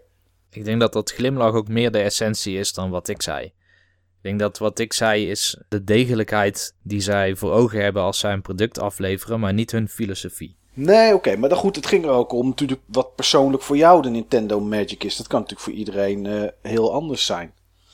Ehm, ja, dit eh, werd hier toevallig al genoemd door jou, eh, Niels. Maar goed, het is meer dan een week geleden inmiddels dat, eh, dat Iwata overleed. En ja, goed, we hebben het nu toch over Nintendo en over hun, over hun Magic. Ehm, ik weet niet precies, en dat, ik weet ook niet of daar, of daar verhalen van zijn, of wat dan ook, hoe stellig zeg maar, hij als, als CEO van Nintendo zijn stempel drukte op alles wat de deur uitging. Ik weet niet of, of hij zijn, eh, zijn, zijn ja of zijn nee overal drukte van dit doen we wel en dat doen we niet. Maar nu er zo'n ja, toch prominent gezicht, zeg maar, als je kijkt naar, naar de digital uitzendingen die ze altijd doen, de Nintendo Directs en, eh, en dat soort dingen, toch altijd aanwezig als prominent figuur. Is zijn verlies, zeg maar, gaat dat iets doen met de Nintendo Magic, denk jij, Niels? Wat ik wel heb gelezen in een van de teksten die ik voorbij zag komen van, van andere industrielui of mensen die bij Nintendo werkten, is dat hij, Iwata, zeer open stond voor twee richting gesprekken. Oké.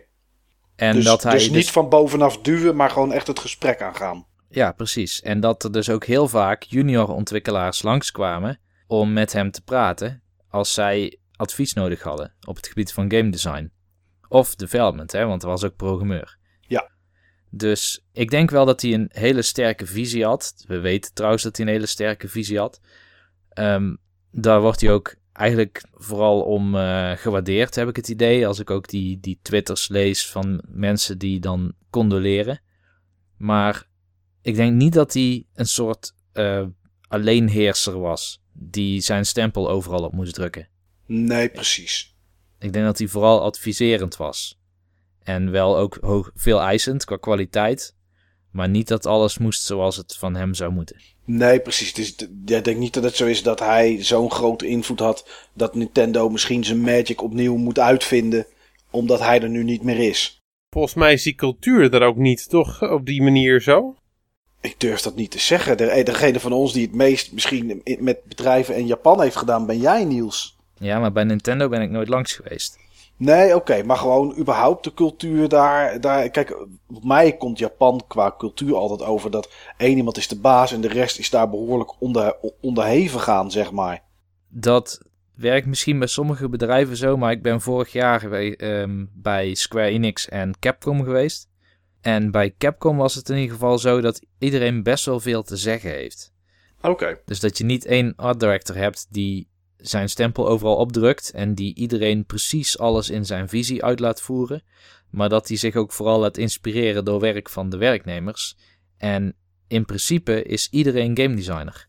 Oké. En bij Square, om even daar, eh, was dat daar net zo of was het daar anders? Ja, daar was het wel iets anders. Nou ben ik niet op het hoofdkwartier van Square geweest, maar ik ben wel geweest waar ze dan de cutscenes aan het maken waren. En, Jouw, ja, jouw favoriet onderdeel? Mijn favoriet. daar, ik moest daar dus ook zijn, hè? Dat snap je wel. Ik heb meteen iedereen een handtekening gevraagd. Jij skipte gelijk heel dat, uh, heel dat kantoor, of niet? Net zoals een kat zien. ja, ik liep er wel vrij snel voorbij. Maar um, ik heb het idee dat het daar wel sterker is dat je mensen hebt die bepalen wat er moet gebeuren. Maar hun projecten zijn zo groot dat je bijna niet iemand kan hebben die alles overziet. Nee, oké. Er zitten altijd wel meerdere schakels tussen. Ja. ja. Wat denk jij, Steve? Was uh, zo wat je hè, gelezen hebt uit de media en dat soort dingen, was Iwata zo bepalend dat, dat er nu buiten een persoon, zeg maar, een ook visie gezien voor Nintendo wat is weggevallen? Um, nou, ik ben in vorige podcast ben ik echt kritisch geweest op, um, op, uh, op Nintendo en de leiding van Nintendo. Ik vind dat het uh, in veel opzichten niet gaat zoals het zou uh, moeten gaan. En dat er met name ook niet gereageerd wordt zoals er gereageerd zou moeten worden. En dat vind ik wel dingen die mag je, um, die mag je de leiding van een bedrijf altijd kwalijk nemen. Da daar zitten die mensen ook voor. Tuurlijk, dat zijn eindverantwoordelijk. Ja, dat, daar heb je ook hoge bomen voor nodig om gewoon die wind voor te vangen. Maar wat ik gewoon niet genoeg door heb gehad, is hoeveel waardering eigenlijk in de industrie er ook is geweest voor die kerel. En nog steeds is. Dat, uh, het was gewoon net alsof Steve Jobs was overleden. Ja, ik heb ook nog nooit zoveel, zoveel Japanse mensen, uh, in dit geval was het er dan één, maar zoveel Japanners op mijn Facebook timeline gezien als die dag dat hij overleed. Hoe bedoel oh, je dat, Mike? Nou, overal zag ik foto's. ja, overal hij. Ja, oh, ja. overal hij inderdaad, ja. Ja, echt. Uh, zitten wij natuurlijk wel ook een beetje in de scene van waar je dat dan terug ziet, uh, ziet is komen. Is ook zo. Maar iedereen sprong er ook gewoon massaal op. Ja, ja, het ja. Was, Het was wel echt duidelijk dat dit gewoon een somebody was. Ja. En uh, die was weggezakt. Ik had hem wel eens eerder gehoord. Um, de eerste persoon die ik hem weer zag gebruiken, dat was Reda. Maar die, die quote van hem Um, op die conferentie waar hij was en waar hij verhaal aan het houden was, volgens mij was het een, een GDC-achtig uh, gebeuren. Het was volgens mij echt wel iets voor, voor mensen in de industrie. Waarin die, uh, waarin die zei: uh, On my business card, I'm, um, I'm a director. In my mind, I'm a game developer, but in my heart, I'm a gamer. Ja.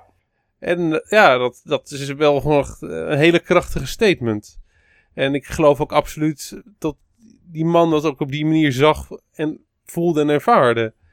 En om als, als verantwoordelijke van een, uh, van een uh, bedrijf zo dicht bij doelgroep en bij producten staan, ja, dat is wel mooi. Ja. Dat is echt wel iets wat me respect heeft. Nou, zeker weten. Ja. Maar ik denk wel, ik denk wel dat er juist vanuit vanuit uh, die gedachte en vanuit die redenatie lopen er meer bij dat bedrijf rond. Ik weet niet of ze genoeg business sense hebben uh, en genoeg organisatietalent om een bedrijf op die manier ook, ook te runnen en aan te sturen.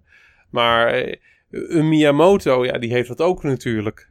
Ja, ja nou, die is volgens mij nu ook tijdelijk even, even interim ja. CEO. Ja. ja, wat er gebeurt, weten we natuurlijk niet. En het is nu misschien ook net even te vers om nu al hè, daar een nieuwe iemand voor aan te stellen. Maar ik ben, wel, ben wel benieuwd, omdat je wel vaak hoorde dat uh, bij Nintendo dat vanuit ja, de, grijze, de grijze duiven, om het maar even zo te noemen, zo werd het vaak wel bestempeld. Dingen als online en zo, dat soort dingen allemaal veel later werden toegelaten, omdat ze daar niet aan wilden. Uh, vroeg ik me wel gelijk af. En, en weet natuurlijk niet wat van die verhalen waar zijn. Dat het allemaal is wat, wat we horen en wat we lezen. Maar goed, we zien het natuurlijk een beetje terug in, uh, in hoe Nintendo met online en, en dat soort dingen omgaat. Is met de Nintendo NX, die natuurlijk uh, op dit moment in ontwikkeling is. Of ze daar... ik, ik, moet, als ik daar direct eventjes op ja, mag inhaken. Uh, dingen zoals dat online, dat zijn wel de dingen die me ook aan Nintendo ook, ook storen. Zo'n Splatoon uh, een van de redenen waarom ik, niet waarom ik niet op die bandwagon gesprongen heb, is omdat je gewoon. Je kan gewoon niet of nauwelijks met andere mensen communiceren. Het lijkt me wel een speltype wat daar baat bij heeft. Maar daarentegen, als er één ding niet putting smiles on people's faces is, dan is het wel mensen te horen ragen. En uh, gewoon echt van die hele negatieve lobbypraat. En mensen uitgescholden, uh, uitgescholden raken omdat ze niet performen. En allemaal dat soort dingen. En ja, dat, dat zijn toch dingen waar ze echt wel hun doelgroep van eh, beschermen. Ja, nou ja, dat is natuurlijk zo. En. Ehm, nou goed, dat was ook waarom ik hem in ieder geval eventjes deze podcast naar boven wilde halen. Van ja, eh, dit, dat is inderdaad Nintendo Magic. Iedereen die Splatoon speelt, of je nou goed bent of slecht. Als jij zelf een keer punten scoort of je schiet een keer uh, iemand neer met een bolletje verf. En voor de rest presteer je helemaal niets dan kan je aan het, en je wint het potje of wat dan ook, dan kan je aan het einde toch een goed gevoel hebben. En een glimlach op je gezicht, omdat er namelijk niemand aan de andere kant van de wereld tegen je zit te schelden. En zegt uh, dat hij iets met je moeder gaat doen. Want, ja. Ja, want dat, dat, dat gebeurt niet. Dus inderdaad, iedereen die met dat product in aanraking komt en het leuk vindt om het te spelen, dat is uiteraard hè, een voorwaarde. Maar als je het maar een klein beetje leuk vindt om te spelen, hoe goed of hoe slecht je ook bent, ja, je zal er inderdaad wel voldoening uithalen en een glimlach van op je gezicht krijgen. Ja, ik moet zeggen dat uh, voor mij was Iwata altijd al een soort, ja, een, een, een voorbeeld, zeg maar. Al op het moment dat hij aantrad bij Nintendo in de eerste lezing had gegeven. Maar dat heeft hij bij heel veel mensen ook gehad in de industrie. Heel veel CEO's en, en, en designers. En dat komt ook vooral omdat wat Iwata deed, was niet kijken naar hoe moeten er volgend jaar consoles uitzien, maar hoe moet het de generatie daarna eruit zien. Dus altijd twee stappen vooruit. Op het moment dat hij uh, met de DS, en laat ik de Wii er even bij noemen, naar voren trad, dat was direct na de PlayStation 2, GameCube, Xbox generatie. Ja. En niemand geloofde dat de industrie nog zou gaan groeien. En dat deed het juist wel. In, uh, in 2008 zat de gamesindustrie op zijn hoogtepunt. Het hoogste punt wat het ooit heeft bereikt. En dan kunnen we nou achteraf misschien constateren dat een heleboel van die mensen die uh, toen mede door de Wii en de DS-filosofie die gamesindustrie ingetrokken zijn, dat die inmiddels er weer uitgestapt zijn. Of uh, misschien sommigen die hebben nu een PS4 gekocht, maar de meeste die zullen misschien tevreden zijn met een tablet of zo. Maar um, hij maakte wel een sterke zaak ervan om verder te kijken dan de industrie zelf. Om het kort samen te vatten, uh, Niels, waarvan ik ook absoluut denk dat het een uh, onderdeel is van Nintendo magie. Ja. Innovatie. Ja, innovatie. Laterale innovatie, zoals hij het zelf noemde. Oké. Dus innovatie die niet verder borduurt op een bestaande technologie, maar die een bestaande technologie een nieuwe toepassing geeft. Zoals bijvoorbeeld de DS, hè, want de iPhone was er toen nog niet, hè.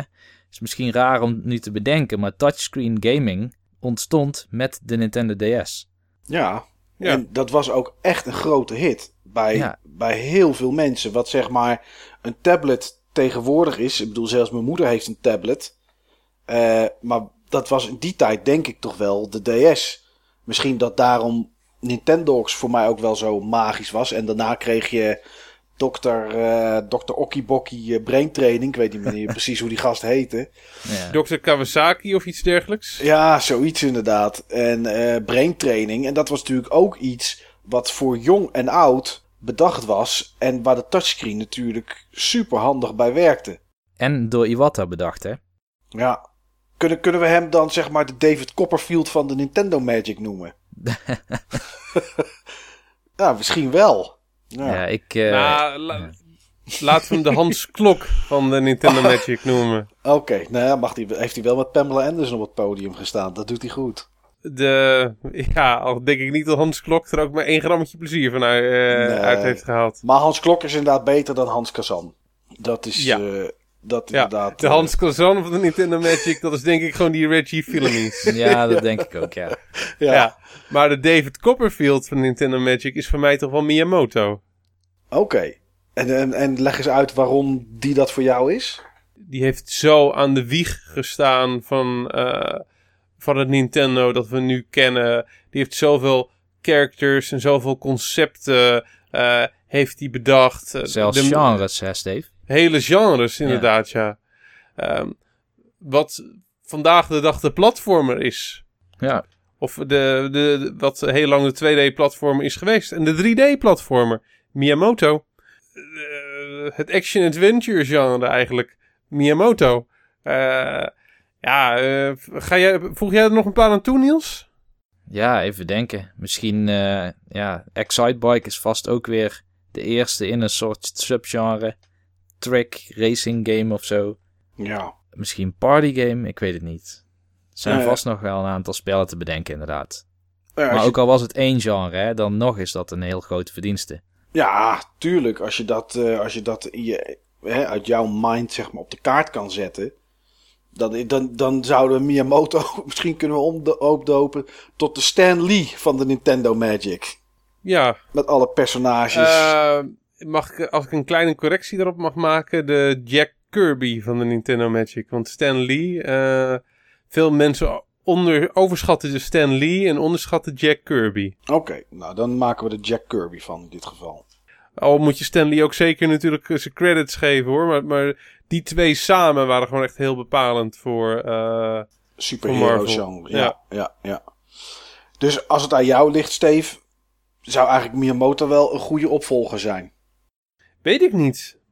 Ik, ja, ik wil als figurehead, wel om zeg maar naar Het buiten toe te zijn. Ja, Ja, eh, naar buiten toe het gezicht te zijn. Maar ja, dat zegt niets over iemands eh, organisatorische kwaliteiten en bestuurlijke kwaliteiten. Ik denk wel dat die goed zullen zijn. Maar ja, kijk, zijn creatieve kwaliteiten zijn natuurlijk uitmuntend. En op het soort functies wat hij heeft gehad, kan je daar gewoon prima op redden. Dus eh, ja, ik, ik weet het gewoon niet. Maar in ieder geval naar buiten toe. eh, ik denk dat hij wel de meest geliefde Nintendo-man is. dat denk ik ook wel. Qua gezicht en ook qua, qua uitstraling die hij heeft. En wat Ja. natuurlijk hè, in al die jaren Nintendo Magic heeft bedacht. Dan is dat wel... eh, ja, dan denk ik wel dat, dat hij daarvoor... In ieder geval wat je zegt, Steve, qua gezicht het beste zou zijn. Wat denk jij, Niels? Ja, ik weet het eerlijk gezegd niet. Ik Nee. vind eigenlijk dat zo iemand als Miyamoto, die moet gewoon doen waar hij goed in is. En dat is aan het hoofd staan van die studio's. En een soort directie op designgebied uitvoeren. Ja. Dus ja, ik zou hem niet sowieso tegen zijn pensioen aan, zeg maar, willen bezwaren met het presidentschap. Nee. Want I- Iwata was natuurlijk echt een stuk jonger toen hij eh, president werd. Ja, Dat want was tien is- jaar, tien jaar geleden. En hij was 55 toen hij overleed vorige week. Dus eh, ja, dat, 45 vind ik ook wel een mooie leeftijd. Dan zou je wel denken dat je alle klappen van de zweep inmiddels een beetje kent om zo'n bedrijf te leiden, inderdaad. Ja, Maar ik denk nog wel dat het een, mo- een moeilijke kluif wordt, inderdaad. Want inderdaad, eh, Miyamoto zou. Het, weet je, die, kan, die doet natuurlijk zo zijn best en, en zo succesvol met designen en bedenken, weet ik wat. Dat misschien wel zonde zou zijn als Nintendo hem op die stoel zou plaatsen, omdat hij dan dat inderdaad niet meer kan doen. Maar ja, goed. Ik denk eigenlijk dat Iwata best moeilijk te imiteren valt. Door überhaupt iemand binnen Nintendo. moet je niet willen. Nee. Moet, je moet ook helemaal niemand... eh, mensen moeten gewoon in hun kracht kunnen staan en imiteren. Imiteren, daar red je het per definitie mee, niet mee eh, op zo'n belangrijke plek binnen zo'n groot bedrijf. Maar moet je Nee. dan iemand hebben die totaal de andere kant is van wat Iwata was? Want als je dat natuurlijk niet doet, als je daar iemand neerzet die een beetje dezelfde visie heeft en misschien net iets mindere uitstraling, dan is die toch altijd de mini-me van, eh, van Iwata. Ja, dat, dat klopt. En Iwata was misschien ook al de tegenhanger van, eh, hoe heet die andere ook weer? Yamauchi. Oh ja. Ja, die hele familie. Ja, de Ja. hele familie. Überhaupt veel... Die is trouwens nog niet zo heel lang geleden overleden, die Yamauchi. Ja, volgens mij En die, ook. die, en die is een heel stuk ouder geworden. Ja, Ja. Nou goed jongens, ja, de toekomst zal het, eh, zal het wel uitwijzen wat er gaat, eh, gaat gebeuren. Ehm Steve, heeft Nintendo nog voor jou de Nintendo Magic? Want je zei zelf net al van, ja, ik ben de laatste tijd best wel wat kritisch geweest en heb me wel wat kritisch uitgelaten over de Wii U bijvoorbeeld. Hè, re- recentelijk weten, weten we dat natuurlijk en in mijn ogen ook terecht. Heeft Nintendo nog de Nintendo Magic? Bij vlagen. Oké. Ehm, Legend of Zelda, A Link Between Worlds. Eh, jongens, in al die podcasts die ik met jullie opgenomen heb, ik durf te zeggen dat ik nog nooit zo enthousiast ben geweest over een spel. Eh, nou, Diablo was in het begin wel een goede, goede tegenstander, denk ik, van... eh, Nou, bij Link Between Worlds kwam vooral uit het niets. Hè? Want de eerste keer dat we het erover hadden, was ook volgens mij tijdens die uitzending dat we naar de beste games van het jaar gingen kijken. Dacht ja, ik. dat kan zomaar zijn inderdaad. Hij was ook aan het eind van het jaar uitgekomen. Ik had hem ook aan het eind van het jaar gespeeld. Ja. Maar dat vind ik, dat vind ik zowel het beste Nintendo-spel wat ik in jaren gespeeld heb, als het beste spel wat ik in jaren gespeeld heb. Een, ehm, een Destiny, hoeveel tijd ik erin gestoken heb, haalt het voor mij niet eh, bij Link Between Worlds. Destiny, ik kan probleemloos een uur vullen met alle dingen die me storen aan Destiny en alle dingen die niet goed zijn. Met de dingen die me, niet die me storen aan A Link Between Worlds, daar kan ik maar twee minuten mee volgen. En dat is ik graag nog veel langer plezier van had gehad. En eh, dat, dat zijn geen twee minuten overigens. Nee, maar ja, eh, dat was voor mij echt Nintendo Magic. En ik durf absoluut te zeggen dat er dat soort spellen ook nog gaat komen. Maar ja, de Yoshi's Woolly Worlds van deze wereld, dat zijn wel leuke spellen. Maar zijn ze vandaag de dag, zijn ze nog magisch? Nou, ik heb hem vanmiddag zitten spelen, Steve. En Nou, dan ben jij de persoon om, eh, om daar een antwoord op te geven, Niels. Ja, Niels. Ja. Heeft Nintendo nog Magic? Is het leuk of is het magisch? nou ja, kijk, die game die had ik gekocht. En toen zei volgens mij Michael een dag daarna dat hij het een 6 zou geven ongeveer. Dus toen twijfelde ik of dat ik hem terug zou sturen en zou ruilen voor een andere game. Klopt. Maar toch ben ik heel blij dat ik dat niet heb gedaan. Want ik vind het zelf echt wel een magische game, ja. En waarom? Hmm. Waarom, Niels? Ehm, nou, het is wel een veilige magische game, maar het voelt als een sequel op Yoshi's Island. Het heeft de vernuftigheid die, die game had destijds. Ehm, dus dat betekent dat je grote levels hebt waar veel geheimen in zitten, waar je veel moet gaan zoeken. Waar bijna elk level iets echt nieuws is, waar weinig levels op elkaar inhaken om zeg maar thema's opnieuw te gebruiken. Ehm, ja, de, de gameplay werkt zoals zo'n Donkey Kong waar ik het net over had, die dan op en neer kan rennen. Je, het speelt gewoon heel erg soepel en fijn. Het brengt niet heel veel vernieuwing, maar het pakt wel. Het, het voelt als een remake van Yoshi's Island. Toch vind ik het wel apart nieuws. Dat je zegt, het is, niet, het is meer dan leuk, het is Magic. Mhm. Ehm, wat ik las op het, op, eh, op, op het forum, op ons Buttonbashers forum. Dat Ja. je daar had gezegd, het is een game die ik zo af en toe even oppak om een paar levels te spelen. Is, Ja. een, is een game die Magic heeft niet gewoon een game die je eigenlijk in één ruk wil uitspelen. Waar je zoveel tijd in wil steken dat je er bij wijze van spreken misselijk van wordt.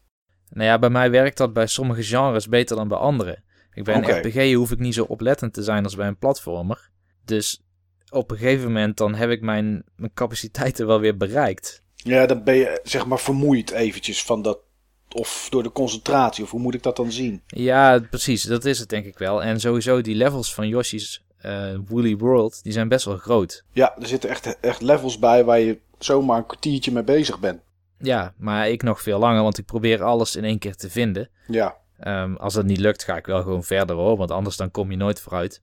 Maar ik doe regelmatig een half uur over een level. ja, En dan ben je de hele tijd aan het exploren, aan het kijken van... kan ik misschien dit plateautje bereiken als ik ergens door de muur zou kunnen... of als ik een ei ergens tegenaan gooi waardoor een platform ontstaat.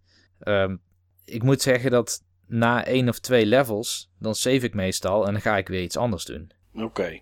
Dus het heeft niet die magic die mij constant vasthoudt. Maar ik vind het absoluut wel een enorm goed geproduceerde game. Oké. Meer dan een enorm goed geproduceerde game. Dus de magic is er voor jou nog steeds. Ja, maar wel zoals Steve al zei met vlagen. Ja. Ehm, als je kijkt bijvoorbeeld naar die E3, waar we natuurlijk niet zo heel positief over waren in de E3-podcast. Toen zagen we heel veel spin-offs van series waar we veel mee hebben. Bijvoorbeeld die Metroid spin-off Ja. op de DS. Of die Animal Crossing. Dus wat ze aan het doen zijn, is tijd rekken of zo tot de volgende grote release. En die zal dan die Magic wel weer hebben. Maar die spin-offs die geven ons ook de indruk ja, dat ze hun aandacht heel even aan een ander project aan het besteden zijn. Tenminste, dat heb ik dan. Nou, Ja. waarschijnlijk is dat ook gewoon keihard zo. Ja, stel dat Retro Studios de volgende Metroid aan het maken is. Eh, volgens mij hebben ze niet die Metroid Fusion, heet het geloof ik of zo. Wat die, die, of hoe Die heet het? nieuwe Ja, die nieuwe. Ik weet al even niet meer hoe het heet. Federation of zoiets. Federation Force of iets zo. of Oh, zoiets. ja, zoiets, iets, ja. iets met Die Force. is van Next Level Force. Games, denk ik. Ja, die is niet van hun. Dus je zou kunnen denken van, nou ja goed, ze hebben iemand anders dan maar even met die IP aan de gang laten gaan. Om daar een spin-off van te maken inderdaad. Zodat ze en iets uitbrengen. En dat er toch iets is wat bij Metroid hoort. Ja. Maar niet de grote volgende titel inderdaad. Nee, ja, en hij kan natuurlijk nog steeds verrassen. Maar Tuurlijk. hij maakt gewoon weinig impact op Ja. het moment dat hij aangekondigd wordt. Ja, ik had het omschreven voor mezelf dat de Nintendo Magic weg is. Maar dat het meer een Nintendo sausje is geworden. Oké, En ehm, ik, voor mij is, is Yoshi's Woody World en eh, Captain Toad's Treasure Tracker zijn daar eigenlijk wel twee goede voorbeelden van. Ehm, ik heb het al wel eens eerder gezegd bij, eh, volgens mij toen we het over Super Mario 3D World hadden. Ehm, het, het, is, het is een soort ja, Nintendo formule van eh, zekerheden die werken en aanslaan. En die dan elke keer gelegd wordt, ook grafisch gezien, over die IP's heen. Ik durf het bijna niet te zeggen, zeker niet voor Niels, maar een beetje vergelijkbaar met Telltale. Nou, ja, dat Het denk is ik gewoon wel. eigenlijk Ja, een nou. vast, vast stappenplan, een soort van checklist die je over een game heen kan leggen en waar je alle boxen vervolgens bij af kan vinken. Ja. Ja. Maar daardoor is het voor mij meer een saus geworden die je overal overheen kan gieten. In plaats van echt magie. Dat, dat is wel, als ik dan bijvoorbeeld eh, even teruggrijp bijvoorbeeld naar eh, de Wii met Super Mario Galaxy. Dat was echt wel iets heel anders. Nintendo 64 tijdperk met Super Mario 64. Het was Mario, het was platform, maar het was wel heel anders. Eh, ja, ik begrijp wel volkomen wat je bedoelt. Want die nieuwe titels als Yoshi's Woolly World, die zetten jou nooit aan het denken van wat is dit? En ik heb nog nooit zoiets meegemaakt in een game. Nee. Eh, Super Mario 3D Land op de 3DS vo- vond ik het. Die speelde zo erg met die diepte van de 3D. Om zeg maar daar eigenlijk op een soort 2D platformbasis toch de diepte in te werken. Ehm, ja, dat vond ik toch. Dat was wel iets, iets nieuws.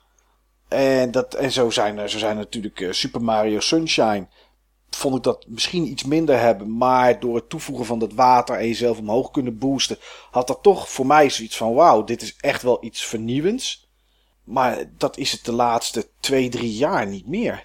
Het is maar een kleine, eh, een kleine download-titel, maar volgens mij is die van Nintendo zelf Pushblocks. Ja, ken ik. Die, ik hadden, die, hadden, die hadden het ook. Ja. Er zijn heel veel eh, versies zijn daar inderdaad inmiddels van verschenen. En eh, volgens mij begonnen op de DS in Japan in ieder geval, zeg ik uit Op mijn de hoofd. DS, op de 3DS, toch? 3DS, ja. Was het, oh, was het, ik dacht dat er ook een 2D-versie was op de. Maar dat zou eigenlijk het concept ver- veranderen. Dus dat klopt niet. Nee, inderdaad. Eh, maar dat was ook wel iets nieuws. Nou ja, je had Catherine, dat was ongeveer Poolblocks. Catherine op de Xbox 360 was wel een soort poolblocks. Mm, ja. Ja, Ja, zou je kunnen zeggen. mechanic was ongeveer Poolblocks. Ja, maar ik snap wel wat je bedoelt inderdaad. Maar eh, misschien door de simpelheid en niet door, de, door, door alles wat er bij Catherine omheen zat. Al weet ik niet wat er eerder uit was in Japan, Catherine of, of Pool Blocks. Maar, maar goed, weet je, die, die Mario-titels die, ik net, die ik net noemde, ja, die hadden gewoon, die hadden gewoon iets nieuws. En daardoor eh, zeg ik van ja, het is meer een, een sausje geworden voor mij dan echt Magic. Maar goed, jij zei Stefan, er is, hè, van, het is er nog af en toe. Jij zei ongeveer hetzelfde nieuws, dat het er soms is. Dus ergens is er een keer een punt dat het voor jullie, dat het voor de eerste keer kwijtgeraakt is. Ja, kwijtgeraakt. Het is gewoon eventjes, af, het is eventjes afwezig. Maar het is een beetje hetzelfde als de Disney-magie. De Disney-magie is ook gewoon lang weg geweest. Die hebben ook gewoon echt een, een drought, een, een drought uh, gehad. Gewoon een, uh, een droge periode. Ja. Uh, tot al die films ook gewoon eigenlijk zeer matig tot, tot middelmatig waren. Treasure Island, allemaal van dat soort... Atlantis, allemaal van dat soort films. Ja. En um, de laatste jaren um, zijn die Disney films juist opeens weer briljant. Yes, de, um, niet allemaal vind ik, maar ik vind dat die hetzelfde hebben als Nintendo eigenlijk. Maar ik zeg wat, Frozen. Ja, Frozen is gewoon een gigantisch succes. Ja, maar ik... Dus, uh, zowel, art, zowel artistiek als commercieel. En ik, uh, ik denk dat Nintendo dat absoluut uh, ook wel weer boven kan halen. Zeker wel, maar ik heb laatst van Disney heb ik Big Hero 6 gekeken. Uh, daar vond ik een beetje hetzelfde dan als bij, uh, bij Nintendo, zeg maar mee. Die film had het dan voor mij weer niet.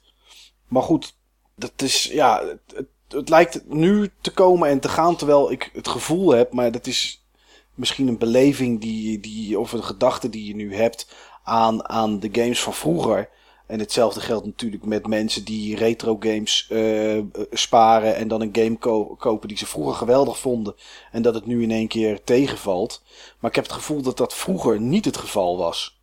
Dat vroeger eigenlijk elke game die ze uitbrachten toch wel een soort van Nintendo Magic had. Ik vond het wel leuk om, om het volgende even te doen, jongens. Ik heb hier een, een lijstje voor me met zeg maar de grote Nintendo-platformen die uitgekomen zijn. En ik ga ze gewoon even opnoemen. Achter elkaar. En moet je voor de grap maar eens kijken of je stop kan roepen op het moment dat je denkt. Hier waren ze het voor het eerst een beetje kwijt. Uh, beginnen we met de Game Watch. Daarna de NES. De Game Boy. De SNES. De Virtual Boy. Ja, ik, hier moet je natuurlijk stop roepen. Oké, okay, ja. Uh... Nou, dat is voor Niels. Voor, voor, ja, voor, voor mij niet. Het, is, uh, het was gewoon een experiment. En het is een experiment wat niet uh, geslaagd is. Ja, dat is maar waar. Het, ja, maar het was... In, uh, dat wisten ze ook verdomd snel. Ja, dat klopt en, inderdaad. Ja, en ze hadden op dat moment hadden ze ook een twee-sporen beleid, hè? Ja. Eigenlijk een drie, drie sporen beleid. Enerzijds had je nog de, uh, de klassieke Game Boy lijnen. En daarnaast hadden ze het systeem wat je nu gaat noemen. Ja, de Nintendo 64. De Game Boy Color. De Game Boy Advance. Stop. De Dit Game was Boy... voor mij zo'n punt. De Game Boy Advance of... De Game Boy Advance, ja. Oké, okay, vertel eens waarom. Nou, de Game Boy Advance liet zich vooral kenmerken in het begin door de SNES-ports. En zeer weinig nieuwe games. Dus veel SNES-ports. Op een gegeven moment kwamen er ook wel sequels op bepaalde nieuwe... Of ja, bepaalde franchises misschien van, van Sega of hele oude van, um, van de NES. Uh, ik vond het wel een heel gaaf apparaat. En het was het apparaat wat mij bijvoorbeeld tot Fire Emblem bracht. Maar als ik nu kijk uh, naar mijn hele collectie met Game Boy Advance games, en die had ik echt veel, ik denk dat ik iets van 60 had of zo, dan zit daar heel weinig tussen wat echt een stempel heeft achtergelaten. Hmm. Oké. Okay. En ik wil ook graag stop uh, drukken, want ik weet ook wat er hierna gaat uh, komen. En dit zijn twee systemen waarbij ik allebei hetzelfde gevoel heb. Um, goede systemen die um, zeker leuke games hadden en waar ik me goed mee heb, uh, heb kunnen uh, vermaken. Maar te weinig. In beide gevallen te weinig. En uh, in beide gevallen ook niet innovatief genoeg. Oké, okay, even om het lijstje af te maken voor de mensen die luisteren. In, bij, in beide gevallen ook niet tot de verkoopcijfers uh, uh, gekomen die bij een Nintendo systeem zouden moeten horen. Nee, snap ik. Want na de Game Boy Advance kregen we de GameCube. Daarna ja. de Nintendo DS. Toen de Wii. Ja.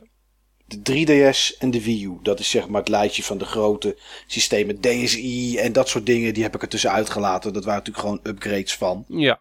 Ja. Maar bij, bij jou is het dus ook dan, dan zeg maar, uh, Steve, de Game Boy Advance, die dat uh, teweeg Game Boy, bracht. Game Boy Advance en Gamecube brachten, brachten ten, wij- ten opzichte van hun voorgangers te weinig innovatie. Ja. Ehm, Game Boy Advance bracht ten opzichte van de Game Boy eigenlijk eh, perfecte 16-bit games. Eh, zelfs iets beter. Ehm, en GameCube bracht eigenlijk eh, ja, geperfectioneerde 3D-games. Ja. Ehm, want de Nintendo 64, het was natuurlijk echt... eh, het was een heel erg innovatief systeem. Maar als je kijkt naar, de, naar het soort games wat je erop had... was het eigenlijk natuurlijk een flut systeem. Want eigenlijk trok het, het, het apparaat trok gewoon niet wat het, ehm, wat het deed. Nee, de games die ervoor gemaakt werden waren, nou ik weet niet of het voor 50% of misschien nog iets meer was, maar grotendeels waren ze gewoon net even een tikje te zwaar. Dat was gewoon allemaal te zwaar. Eh, dat liep niet, dat had, eh, dat had allemaal volk. Maar het was wel heel innovatief. En op Hmm. het moment dat ik het speelde, ervaarde ik het ook minder of niet op die manier. Nee. Ehm, toen ik eh, Super Mario 64 aan het spelen was, had ik echt had ik een gevoel van Nintendo Magic. Heel sterk. Ocarina of Time, idem dito. Ehm, de Rare Games hadden op dat moment Nintendo Magic. Omdat eh, ja, die werkte ook gewoon samen met, eh, met Nintendo. En eh, ja, die optelsom van Nintendo en Rare, die, daar, zat, daar zat voor mij hetzelfde gevoel op dat moment in. Maar ehm, ja, daar direct na, de Gamecube. ehm, de enige game waarbij ik dat gevoel heb gehad op de Gamecube is denk ik Zelda. Wind Waker. Wind Waker. Ja. Eh, veel games hadden het gewoon net niet. Luigi's Mansion, supergoed spel, net niet. Mario eh, Sunshine, eh, goed spel, onderschatte Mario, maar niet dezelfde magie als Mario 64. Niet dezelfde magie als Mario Galaxy. Ehm, en zo kan ik nog eventjes doorgaan. Ehm, ik denk dat, het, eh, dat de Gamecube een te iteratief systeem was eh, ten opzichte van de systemen die ervoor zaten. Ja, ik vind het wel grappig dat jullie alle twee op dat punt stop zeggen dan eh, inderdaad. Als ik voor mezelf kijk, dan weet ik, en dan is het moeilijk, dan is mijn gedachte daar misschien een beetje mistig bij. Ehm, ik haal dan heel erg mijn eigen plezier, eh, misschien door de war met de Nintendo Magic. Maar ik, ik zelf zou zeg maar de Nintendo DS nog wel meenemen daarin. Eh, dus ik zou voor mezelf iets later stopgeroepen hebben. Maar ik snap wel wat jullie zeggen. Ja, maar, maar je vroeg alleen over stop. ja, je, ja, ja. vroeg, je vroeg niet naar, oh, weer aan. Nee, nee, nee. Het ging echt puur om stop. Maar Ja, want de DS is voor mij een punt van dat ze de- dat absoluut weer hadden hervonden. ja, zeker weten. Maar ja, de Gamecube voor mij ook. Om de, en ja, dat, ik heb met dat apparaat en nog steeds wel ehm, enorm veel plezier gehad. Maar als ik kijk of het inderdaad magisch was. Ja, de Windweker was het. Ehm, Metroid Prime misschien voor veel mensen. Ja. En voor mij toch ook wel Super Mario Sunshine. Dat, ondanks dat het niet, het, inderdaad wat jij zei Steve, niet het vernieuwende had van eh, Mario 64. En ook niet van Galaxy. ehm, vond ik dat wel echt wel iets, ja, nu zou ik het bestempelen als het sausje. Maar iets wat voor mij puur als Nintendo magie wel voelde. De, de opzet van, van, van de werelden die aan elkaar verbonden zaten. Door middel van dat dorp waar je rondliep en zo. Ja, voor mij had dat het op zich wel. Maar ik denk dat het ergens halverwege de Gamecube, op behalve op Twilight Princess na, want die heb ik niet op de, op de Wii gespeeld, maar gewoon nog lekker op de Gamecube. Dat het wel daar ergens de eerste keer verloren is gegaan toen ze met eh, tennis uitkwamen en voetbal.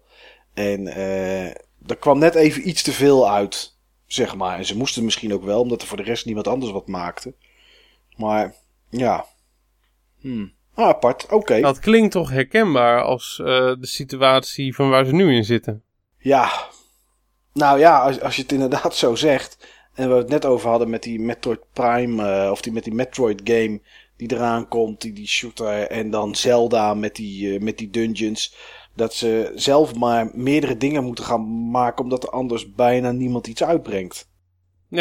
En ik denk ook, als je kijkt naar de Wii U en de Wii, Ehm, de Wii is niet bepaald mijn favoriete Nintendo systeem. Alles behalve zelfs. Maar hij had wel magische momenten. Mario Galaxy was voor mij echt gewoon magisch. En ik denk dat voor veel mensen... ehm, voor veel mensen voor wie gamen ook nieuw was. Bijvoorbeeld dat, eh, dat Nintendo Sports. Ja, zeker weten.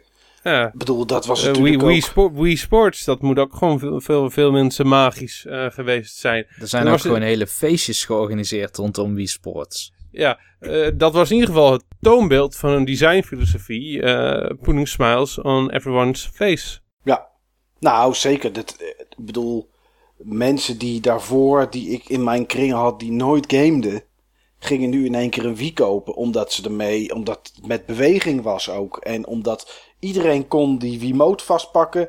één knopje in, ingedrukt houden, Wiimote naar achter, naar voren, knopje en soms ook Wiimote tegelijkertijd loslaten. En die was aan het bolen.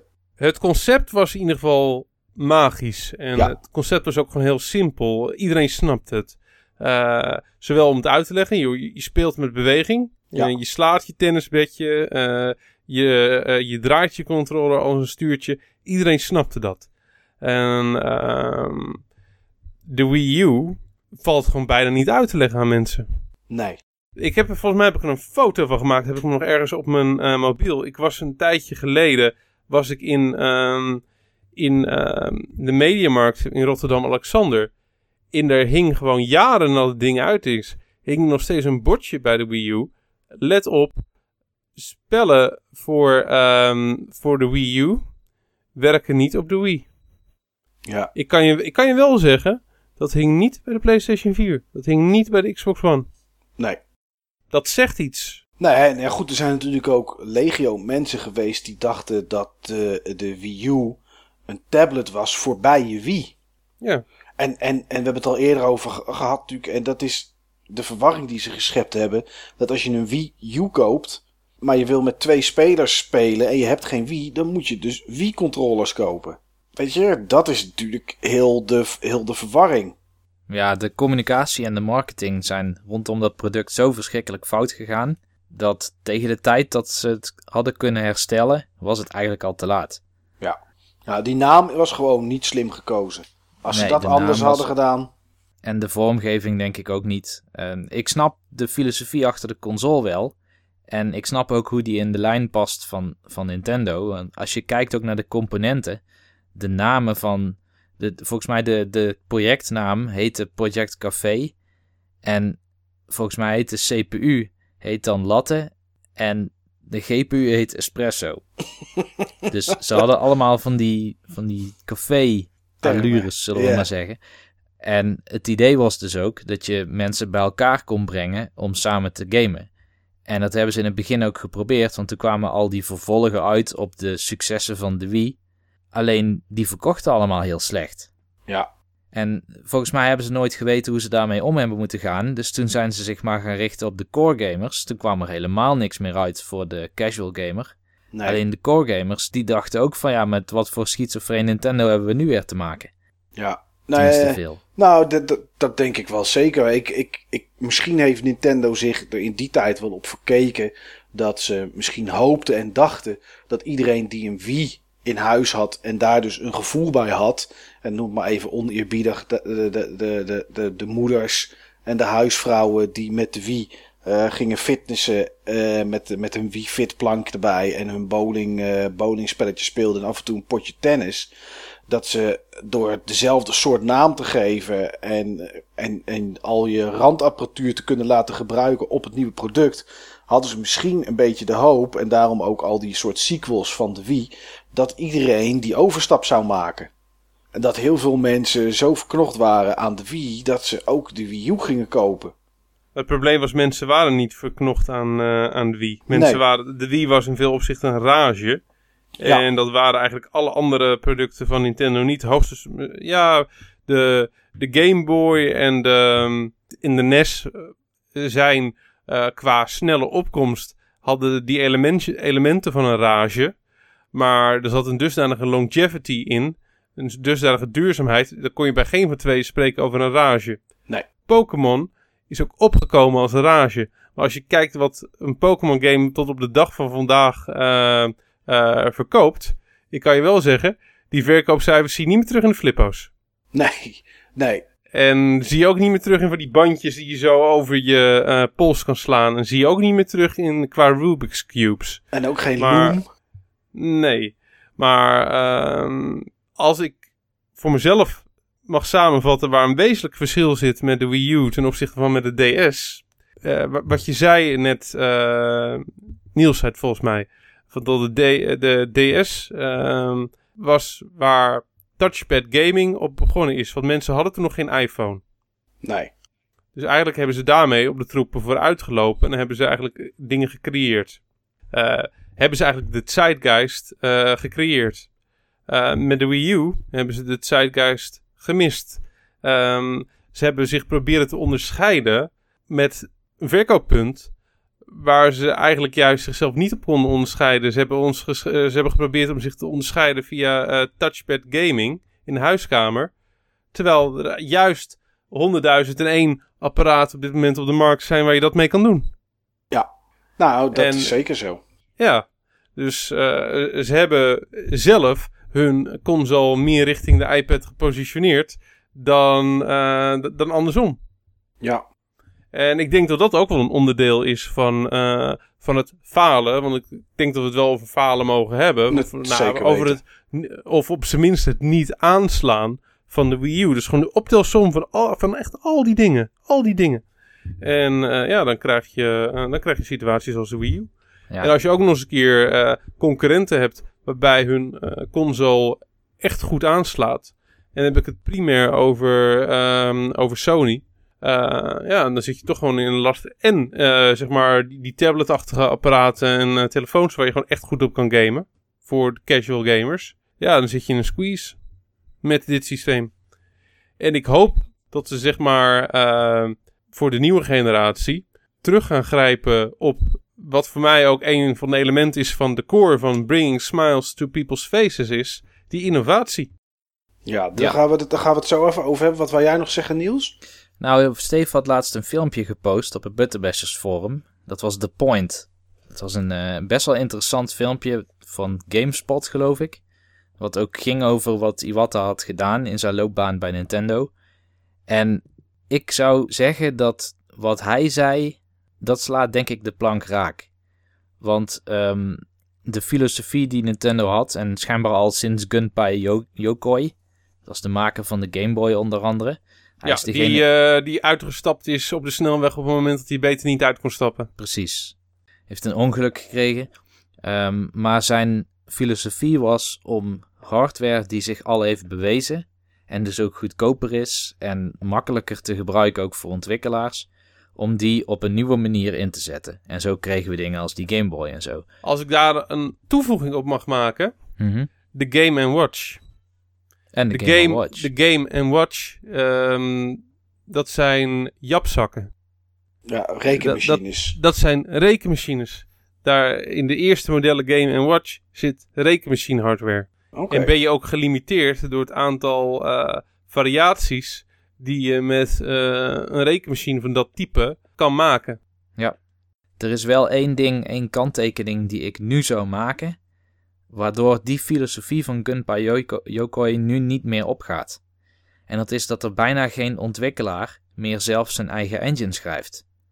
Dus dat de moeilijkheid van ontwikkeling heeft niet meer zoveel te maken met die architectuur, maar alles met de toolset die wordt aangekocht, zoals Unreal of Unity. Dus ik weet niet of dat, dat nu nog zo relevant is. Ook al gebruikt Iwata nog steeds die, of gebruikte hij nog steeds die filosofie. Maar het punt wat ik uiteindelijk wilde maken is dat als je kijkt naar de lijn die werd gezet met de originele DS en de Wii en in wat mindere mate de 3DS, dan zegt die meneer van The Point dat de Wii U gewoon een kleine vergissing is geweest op het pad van die innovatie die hij eigenlijk wilde doen. Een tussenstap misschien. Misschien zaten ze al langer in de richting van de NX te denken, maar moesten ze ook weer een platform tussendoor. Dat zullen we natuurlijk waarschijnlijk nooit te weten komen. Nee. Maar hij zegt niet dat het een strategische misser is geweest, maar een, ja, een, een, een tussendoorproduct. Een foutje, ja. Ja. Nou ja, goed. Als ik daar ook nog een toevoeging op mag maken. Ik denk dat het gevaarlijk denken is om op dit moment terug te grijpen naar eigenlijk zeg maar bewezen slash licht verouderde of verouderde technologie. Um, de technologische vooruitgang gaat gewoon zo snel. En juist met, uh, met hun nieuwe concurrenten, die, uh, die tablets en eigenlijk alle dingen die voor hun als disturbers uh, werken in een businessmodel. Dat gaat überhaupt extreem snel, want die hebben elk, elk jaar nieuwe modellen. Ehm, ik denk dat je, je moet ergens wel een ambitieus ja, niveau prikken, want anders is het gewoon echt zo achterhaald. Nou, ik denk dat de Wii U dat wel laat zien. Dat is misschien wel bewezen technologie, omdat volgens mij het grootste deel, het grote deel van de Wii U is een Wii. Um, Als ik nog iets terug mag uh, grijpen, het grootste deel van de Wii U is een Gamecube. Is een Gamecube, ja. Maar goed, dat laat nu denk ik in, in de, dit tijdsbeeld zien dat dat niet meer voldoende is. En misschien inderdaad in de tijd van de Game, uh, Game Boy dat het wel uh, kon, omdat er niet veel anders was. Ik bedoel, Game Boy was toch wel eerste echte, echte goede portable gaming device. Daarmee hebben ze gewoon zelf iets nieuws gecreëerd. Precies, ze hebben een net, zo, net zoals die DS, daarmee hebben ze iets nieuws gecreëerd. Ja. En dat je iets nieuws creëert op basis van, uh, van bestaande, bewezen en wat verouderde techniek. Prima, want dan gebruik je het gewoon echt om dingen neer te zetten. Maar gebruik alsjeblieft niet verouderde dingen om te itereren. Nee, want dat is, de Wii U is natuurlijk eh, de Wii met een touchpad. En beide hebben we al gehad. Ja, en ik denk dat, dat, dat ze daar gewoon zich in, uh, in verkeken hebben. En uh, dat is ook wel iets waar ik ook heel erg sceptisch over ben geweest de laatste jaren. En wat ik persoonlijk uh, eigenlijk een beetje, nou niet een beetje, wat ik persoonlijk het creatief failliet vind van, van dit Nintendo. Nintendo is altijd gewoon uitermate goed geweest om hun eigen uh, ja, technieken en hun eigen mogelijkheden te gebruiken. Kijk gewoon naar die Wii Motion Detection. Dat, dat had ook gewoon zijn nadelen en dat was ook niet perfect. Maar Nintendo wist het gewoon echt perfect te benutten. Mario Galaxy, nou, speelde echt alsof het ervoor gemaakt was. Want het was ervoor gemaakt, het gebruikt het helemaal. Ja. Wii, Wii Sports, ehm, het deed was niet wat je wou. Maar dat maakte niet uit, omdat uh, ja, dat deden we iedereen. En het was gewoon onderdeel van eigenlijk de fun ook. Of, of van, uh, dat was een, een, leuk soort frustratie. Ja. Maar uh, kijk naar de Wii U. Hoe goed hebben ze gebruik gemaakt van een touchpad? Nou ja, hebben... we hebben het er laatst over gehad in die E3-uitzending. Dat ja. Star Fox eigenlijk de eerste game weer is die er nu aankomt van Nintendo. Die wij ons, ik denk na Pikmin, denk ik. Dat het de eerste Nintendo-titel is die weer echt gebruik maakt van de touchpad. Door er iets anders mee te doen dan wat je met je knoppen doet en wat je op je, op je beeldscherm ziet. Ja, en zelfs Pikmin kun je over twisten. Want Pikmin kun je op zoveel manieren spelen. Dat je het nauwelijks essentieel kan, uh, kan noemen om het spel op die manier te spelen. Toen ik die ook voor de eerste keer speelde, uh, Pikmin 3, op een uh, Nintendo E3-event. Toen speelde ik dat met een Wiimote en een, en een, en een Nunchuk. En toen vroeg ik aan, aan de mensen van Nintendo, zei ik van joh, ik zeg, wat is het nut in, bij deze game van de, van de gamepad? Ja, die zette je dan neer en daar zag je de map op, maar meer was het niet. Want voor de rest speelde je het gewoon nog met de nunchuk en met, met de V-mode. Maar goed, dat was de, de, de, titel die ik mij zeg maar zo kon bedenken, die daar echt nog iets mee, iets mee deed als je dat wilde. Maar het, het, het is heel lang stil geweest, zeg maar, qua nuttig gebruik van touchpad. Ja, en ik, ja, het is eigenlijk best wel triest, maar ik durf echt, voor te, ik durf echt te zeggen tot, uh, tot de game op de Wii U die het meest innovatief gebruik heeft gemaakt van de, uh, van de Wii U controller, Zombie U is. Ja, zeker. En dan heb je het over een third-party launch titel. Ja. Ja, met uh, dingen in je, in je inventory zoeken terwijl op je beeld doorging, uh, ja. slo sloten. Dat was nou echt innovatief. Echt innovatief. Ja. En dan is er gewoon wel ergens iets misgegaan. Ja. Maar ja, goed, ik denk dat het misgegaan is waar we het net over hadden, Steve. Met de hoop dat hè, mensen misschien gingen overstappen en al die nieuwe Wii Sports. Kijk, Wii Sports U maakt op zich nog wel gebruik van uh, tablet bij sommige, sommige spelletjes. Maar ja, goed. Als dan uh, de, de, de, de casual gamers er niet achteraan komen, ja, goed. Dan hang je natuurlijk itereren in plaats van innoveren. Ja. En, en Nintendo is denk ik het soort bedrijf, en zo heb je er nog een aantal, wat innovatie nodig heeft in plaats van alleen iteratie. Als ze te, als ze te veel itereren, dat zijn de punten waarop het misgaat. Ja, Nintendo Magic en de Nintendo NX. Wat, eh, wat moeten ze Niels gaan doen met de Nintendo NX om voor jou weer zeg maar de Nintendo Magic in een continu, continue stroom te krijgen? Ja, Ja. dat is een moeilijke hè? Ik had die vraag niet voorzien. Nee, dat geeft niet. Even denken, wat de NX voor mij moet doen, hè? Ja, voor jou zeg maar. Het gaat, het gaat om jou, hè, deels om jouw Nintendo Magic gevoel. Wat, Ja. wat, ja, wat, wat, wat moeten ze doen? Moeten ze, weet ik veel, moeten ze een, een krachtige Gamecube neerzetten die qua controller net iets anders is, maar die wel eh, straks ook de nieuwe Call of Duty en dat soort dingen kan, kan spelen? Moeten ze, weet ik veel, moeten ze met een soort Power Glove, ja, ik durf het bijna niet te doen, want dat is natuurlijk vloeken in de kerk, maar moeten ze met een soort van twee Power Gloves komen en dat je daarmee gaat gamen? Wat, wat moeten ze doen? Dat jij denkt van, kijk, en hoeft niet te bedenken van, oh, dit zou voor mij de Nintendo Magic, maar moeten ze met, moeten ze iets, ja, iets nieuws bedenken? Wat, wat, wat moeten ze doen? Het moet voor mij wel in de control interface zitten. Maar het moet niet weer een gamepad zijn of een of ander ding wat super duur is om te produceren. Want ik zou dan willen dat alle spelers in mijn omgeving dat ding ook hebben. Oké. Of mijn omgeving bij local multiplayer bijvoorbeeld. Zo'n Wii Remote was ook best wel duur. Ik geloof dat die 50 euro kostte. Ja, volgens mij, volgens mij was die 60 en was er een Nunchuk 20 of zo, of 30. Nou, kun je nagaan. Ja. Dan ben je toch veel geld kwijt aan zo'n controller. Maar dat is denk ik te veel. Het was misschien toen niet zo erg, maar een goedkope control interface die toch iedereen kan hebben, daar zou ik veel voor voelen. Oké. En dan hoeft het voor mij geen superkrachtige console te zijn. Ik denk ook niet dat die NX dat wordt. Tenminste, ik denk niet dat als die volgend jaar uit zou kunnen komen, wat sommige mensen in ieder geval vermoeden, dat de technologie verbeterd is op een manier dat het winstgevend zou zijn voor Nintendo. Want ze zullen zeker weten een winstgevende console uit willen brengen. Ja. Ehm, dus ja, ik verwacht dat die matcht of misschien nog iets minder is dan een PlayStation 4 en dus weer met een control interface iets gaat vernieuwen. Oké. Dat verwacht ik, maar dat is ook wat ik ervan wil. Oké. En jij, Steve? Ja, dan ga ik een beetje in herhaling vallen, wat ik al heel vaak heb gezegd. Nou, dat mag. Ik, ik verwacht en hoop dat ze hun mobile en huiskamerlijn, hun handheld en hun console samen gaan voegen tot één nieuw platform. Ja, het hybride platform inderdaad, zeg maar. Dat maakt voor mij sens. Ik denk eh, op het moment dat ik eh, bij Nintendo zou werken, ik zou niks anders roepen dan dat. Ik zou gewoon roepen, jongens, eh, we hebben gewoon een probleem. Ehm, we hebben twee platforms die we eh, zelf moeten voeden. Eh, kijk naar de cijfers. We kunnen dat op dit moment niet. Ehm, op het moment dat we één sterk platform hebben, kunnen we dat wel. En maakt het platform interessanter, maakt de verkopen groter, maakt ons eh, interessanter voor third-party publishers. Ik denk echt dat dit de weg voorwaarts is, jongens. En wat ze verder daarmee gaan doen, hoe, hoe dat verder gaat, gaat werken, dat, ehm, dat weet ik niet.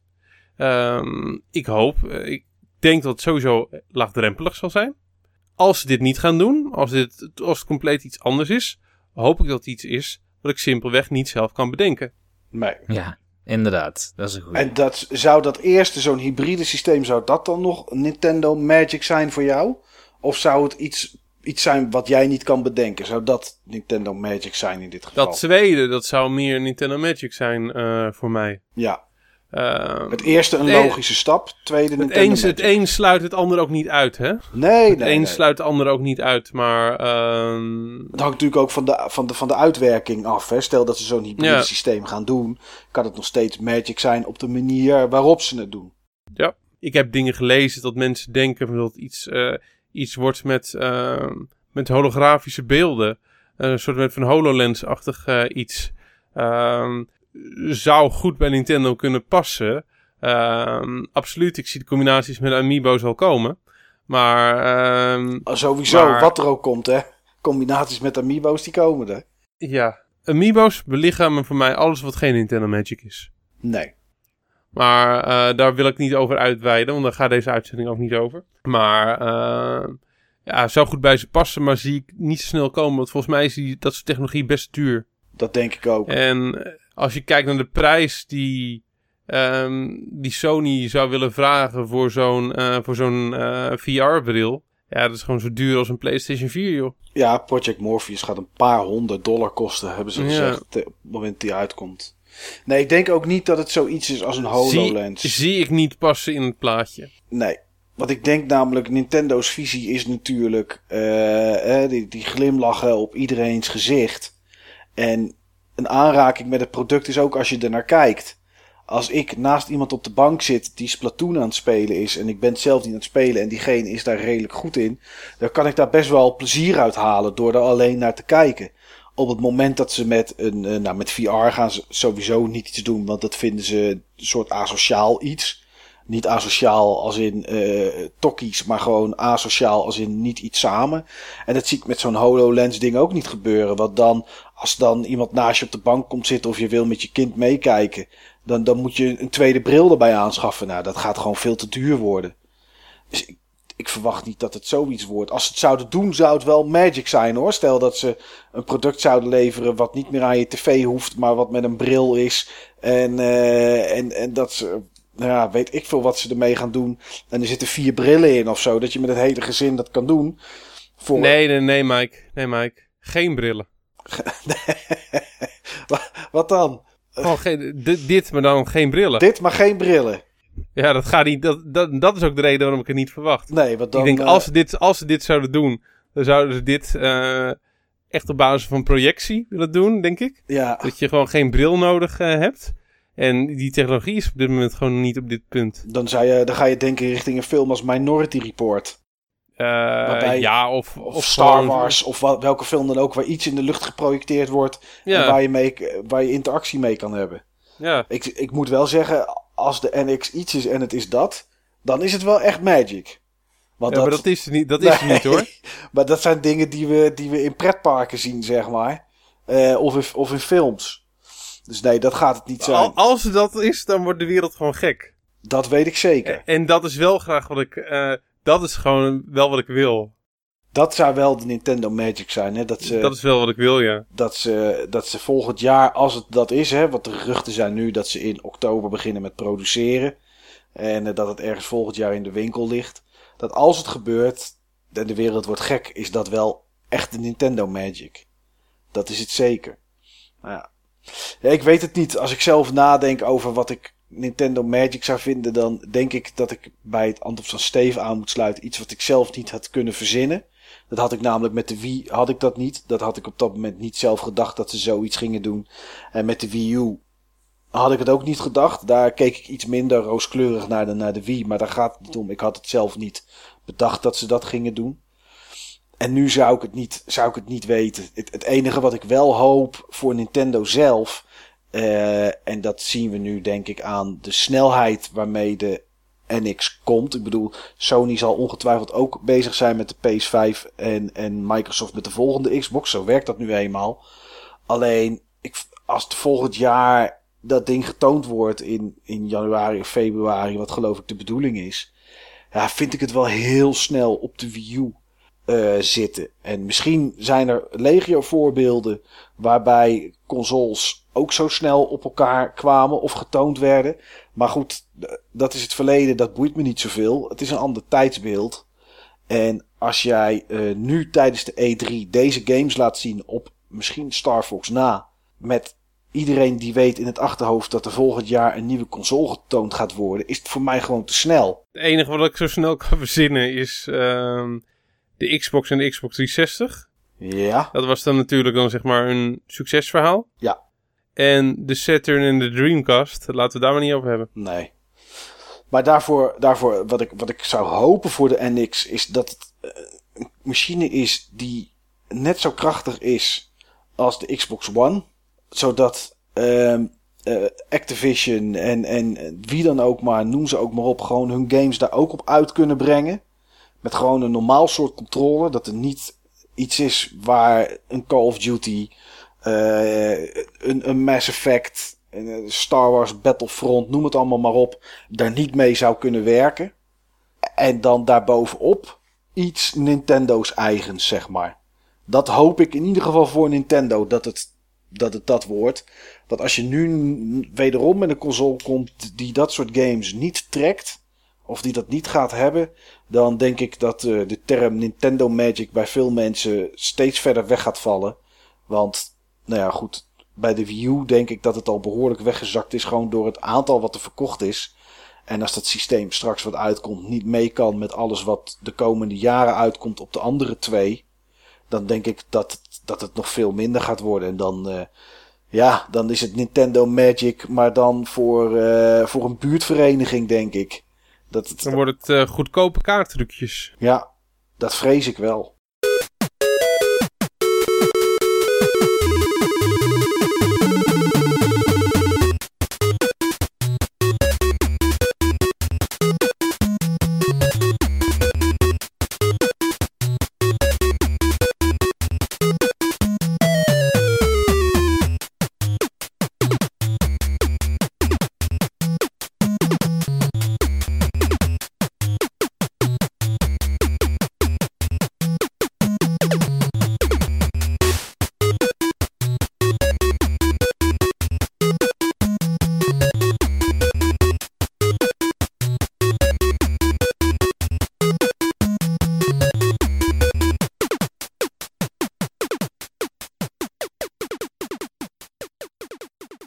Ja, jongens, een onderwerp waar we het nog niet uh, over gehad hebben in deze podcast, maar wat we wel aan gaan snijden, is uh, afgelopen zondag, althans op dit moment van, uh, van opnemen, was de Buttonbashersdag 2015.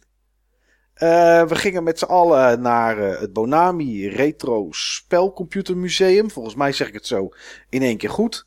En daarna ging er nog een groepje eten bij de Ierse pub. En daarna werd er nog gepoeld. Die laatste twee dingen was ik niet bij. Maar dit is de volgorde volgens mij, toch Steve? Ja, dat klopt. Dat klopt. Al was ik zelf ook niet bij het poelen. Toen was ik zeg maar met de mensen met wie ik was, uh, waren we toen weer onderweg naar het station. Want wij waren met de trein. Ah, jij was daar wel bij Niels. Ik heb foto's gezien dat je echt als met een soort bokaal op de poeltafel staat. Omdat je de beste van de wereld was of zo. Ik was samen met Jur ongeslagen in het poelen. Oké, okay, maar Reda had het meest gewonnen. Die had extra hmm. potjes gedaan. Ah, oké. Okay. Komt uh, beetje... Jur en ja, ik, wij spelen zeg maar de long game. We waren meer met die mind game bezig van het poelen. Oh, oké. Is, dat dat je, is dat dat je dan alvast een paar euro's op de rand extra legt, zodat uh, dat je daarmee mensen intimideert? Of? Intimidatie zit in de goede richting. Oké. Maar het kost ons geen geld. Oh, dat is natuurlijk gunstig. Oké. Jullie zien er ook allebei wel heel erg intimiderend uit, moet ik zeggen. Ja, precies. En we zitten te overwegen om dit professioneel te gaan doen. Ja, ik weet het. Ik, uh, ik zou zeggen, don't quit your day job. Nee, doe dat nog niet. Maar ik kan wel begrijpen dat het intimideerd was. Er was een beetje schimmige foto's die ik zag op het forum. Dus het was een donkere omgeving, gok ik. Het was een tamelijk donkere omgeving, ja. Maar er hingen wel gezellige lampjes. Oké, nou dat is goed. Maar zoals gezegd begonnen we in, de, in, in Bonami. En uh, daar hadden we onze competitie. De Mario Kart Double Dash competitie. En uh, ja, Steve, ik zag jou van links naar rechts rennen om iedereen bij elkaar uh, te, te, halen, zeg maar, om, uh, om mee te doen. Ja, want we, hadden, we hadden een flinke hoeveelheid mensen die er was en die heeft, die heeft meegedaan. En iedereen heeft een nummertje gekregen van, van Jur. Dat moest ik ook expliciet op die manier zeggen.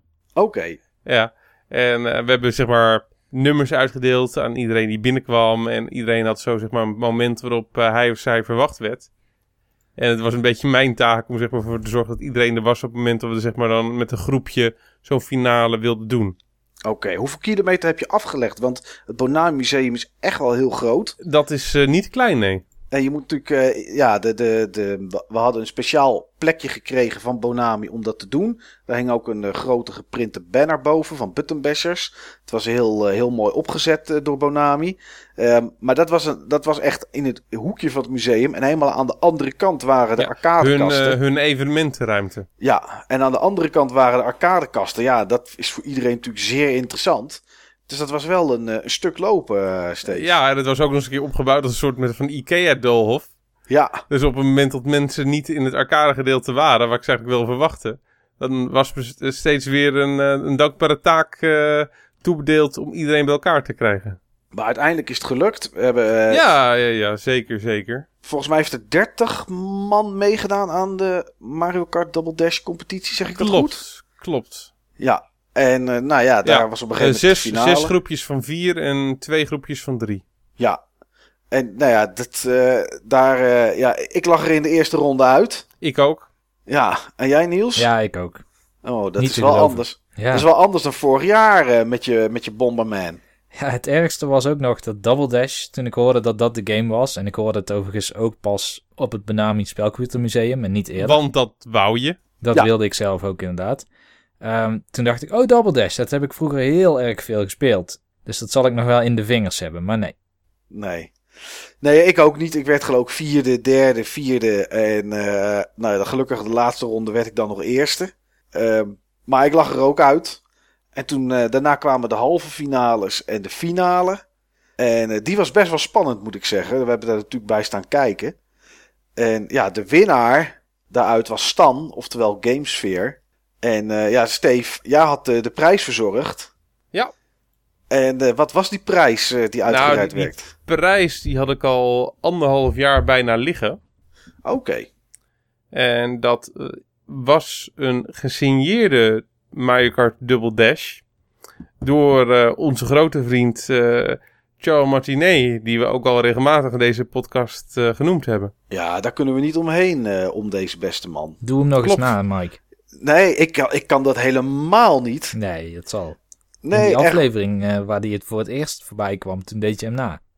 It's me, Mario. Zie je, Steve kan dat beter. Ja, En er stond iets op met Button Bashers number one of Ja, zo. ah, button bashers, number one. Ja, dat, had- dat stond op de cover. Klinkt en echt nog- heel goed, Steve.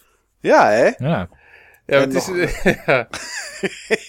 Zit er iemand onder jouw bureau een beetje zo in je kruis te grijpen ook op het moment dat je dit doet? Dat je een beetje een Ja. hoog stemmetje krijgt? het gaat gewoon heel natuurlijk. Oh, dat is best, Ja. dat is best eng. Ja, je zet gewoon je kinderlokker stem op en dan is het daarna gewoon ja, de tekst afdraaien. Maar goed, eh, ja, competitie eh, die was op een gegeven moment eh, afgelopen. Eh, ehm, nou, toen ging iedereen nog verder het museum in. En daarna gingen jullie naar de Ierse pub. Om daar, eh, om daar te eten. Daar was ik dan niet bij. Maar dat, volgens mij was dat wel goed geslaagd, of niet? Ja, volgens mij vond iedereen dat eh, zowel gezellig als lekker. Oké. Nou, dat is mooi. Ja. Nou ja. Gegrilde biefstuk was eh, zeer aan te raden. Oh ja. En, ik En de O'Sullivan's Burger ook. en ik zag ook iets met paddenstoelen. Was dat wel, eh, ging iedereen wel rechtstaand naar buiten? Of waren dat hele bijzondere paddenstoelen? Dat waren hele bijzondere paddenstoelen. Maar eh, volgens mij eh, Kreeg je een Ja, one-up van. Ja, moest, eh, moest Lieutenant Greenby... Die heeft ook eh, de nodige one-ups gehad. eh, eh, over de hele dag. Oké. Dat, dat schreef hij in zijn verslagje. Ja, Ja, het, dat was gewoon verslag. één, het was gewoon één grote... één groot crescendo aan eh, one-ups voor, eh, voor Green Bean. Dus eh, ja, dat heeft hij toen daar eh, kunnen doorzetten. Voortzetten. Oké.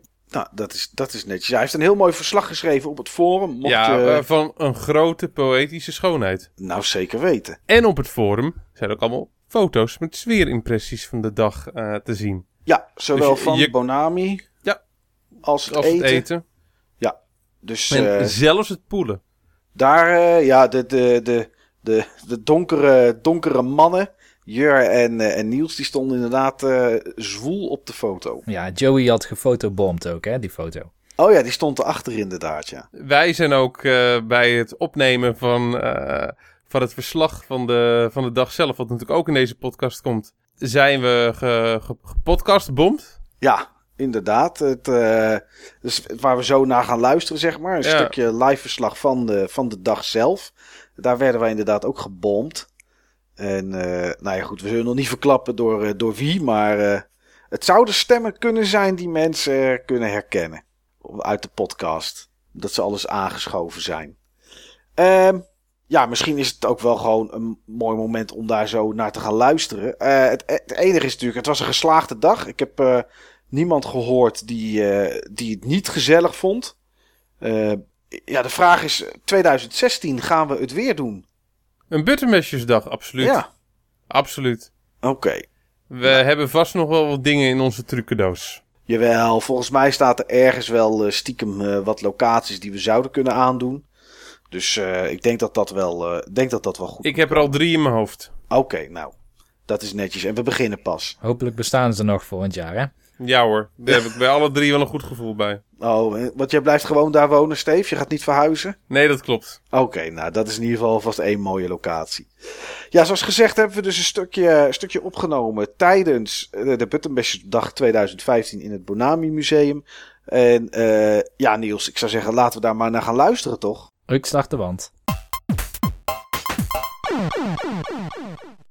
Welkom bij Button Bashers Live. We doen het niet zo vaak. Voor Mike is het waarschijnlijk zelfs de eerste keer dat hij bij een Button Bashers Live is. Want meestal zijn alleen Niels en ik dan eh, van de partij. Ik vind het ook heel vreemd, want ik kijk nu naar beneden een beetje en daar heeft Niels de microfoon tussen zijn benen en daar praat ik tegen. Ja. En dat is. eh, Is dat ongemakkelijk? En je, bent je bent niet gewend, eh, want als je naar beneden kijkt, dat je dan wat ziet, toch? nee, ik ben niet gewend om tegen Niels zijn microfoon te praten. Ja. Maar eh, ja, waar zijn we, jongens? Ja, we zijn vandaag bij het Bonami Retro Spelcomputermuseum in Zwolle. Voor onze tweede jaarlijkse Buttonbashersdag. Ja, we zijn hier met. eh, ik weet niet hoeveel mensen er eigenlijk zijn, Dat, eh, daar zijn komen. Dat weet ik wel. Eh, we zijn hier in totaal met eh 31 mensen, waarvan er op dit moment nog 30 zijn. En ehm, daarmee eh, zijn we een eh, dag eh, vol retro plezier aan het, eh, aan het hebben en houden. Met eh, enerzijds gewoon eh, lekker de mogelijkheden van het museum hier eh, te gebruiken. En anderzijds een, eh, een Mario Kart toernooi, of beter gezegd een Mario Kart Double Dash toernooi. Wat we hebben georganiseerd voor onze leden. Ja. Ja. En er zijn op het moment, op het moment as we speak, zijn daar de halve finales voor bezig. Oké, eh, Ja. Niels, jij speelt natuurlijk, eh, weet ik, altijd best wel veel Mario Kart, maar jij Ja. zit hier toch met de microfoon. Ik zit hier met de microfoon, want achter ons is de halve finale nu. Waarom zit, jij daar, waarom zit je daar niet bij? Nou ja, ik dacht eh, dat Double Dash heb ik nog wel in de vingers. Ik wist sowieso vanochtend nog niet welke game we gingen doen. Nee, jij dacht- het niet weten, hè? Nee, Nee, dat heb je geweten ook. ja, dat heb ik geweten inderdaad, ja. Double Dash heb ik niet meer in de vingers. Oké, en Nee. dat, eh it shows. Wel, je ik, ik ben ook geen enkele keer met een superstart gestart. Ik ook niet. Ik was altijd als Ik- ik laatste weg. Hij, hij is anders, hè, die superstart ten opzichte van andere Mario Ja, Karts. ik ben de nieuwe gewend en daar start je, vooral bij Mario Kart 8, start je op de 2. Dus dan heb je 3, Drie, 2 twee. drukken, Ja. 1, go. En ik dacht te herinneren, in ieder geval in Super Mario Kart, zat hij tussen de 3 en de 2 in. Ik weet, niet, ik weet nog steeds niet. Misschien zit hij hier wel bij vier. Ik weet het echt niet. is geen Ja, 4, ik, maar ik, heb niet, ja. ik heb niet eens superstart gehad. Dus, Nee, eh, ik ook niet. Ja. Maar de halve finales zijn nu bezig. ja. En eh het zijn twee, het zijn twee voor de mensen die hier niet zijn, het zijn twee tv's naast elkaar waarop gespeeld wordt. En wie gaan het door? De nummers 1 en 2 naar de finale? ja, de nummers 1 en 2 naar de finale. Oké. Ik vind het wel, eh, ja, het is jammer dat wij er niet bij zitten, maar En ook hebt helemaal nu het eh, schema in je hand, Steve. Ja, Wie zijn er nu de halve finale aan het spelen? de halve finale worden gespeeld door, eh, ik zal de forumnamen eh, opnoemen. Ja. Eh, door, ehm door Tanuki, door Gamesweer, door Lieutenant, Lieutenant Greenbean, door een, eh, een maat van, eh, van Cake, want je mag ook gewoon, eh, Ja, dat Eh, is niet, heb ik vandaag, het is geen C4, het is cake. ja, zeg je C4 Ja, ik zag altijd C4. Ja. Oh, oké. natuurlijk is het gewoon Cake, man. Je ik heb er C4 nooit aan gedacht. Oké, nou, in ieder geval een maat van C4. Eh, dat hebben, die hebben we zeg maar in één halve finale.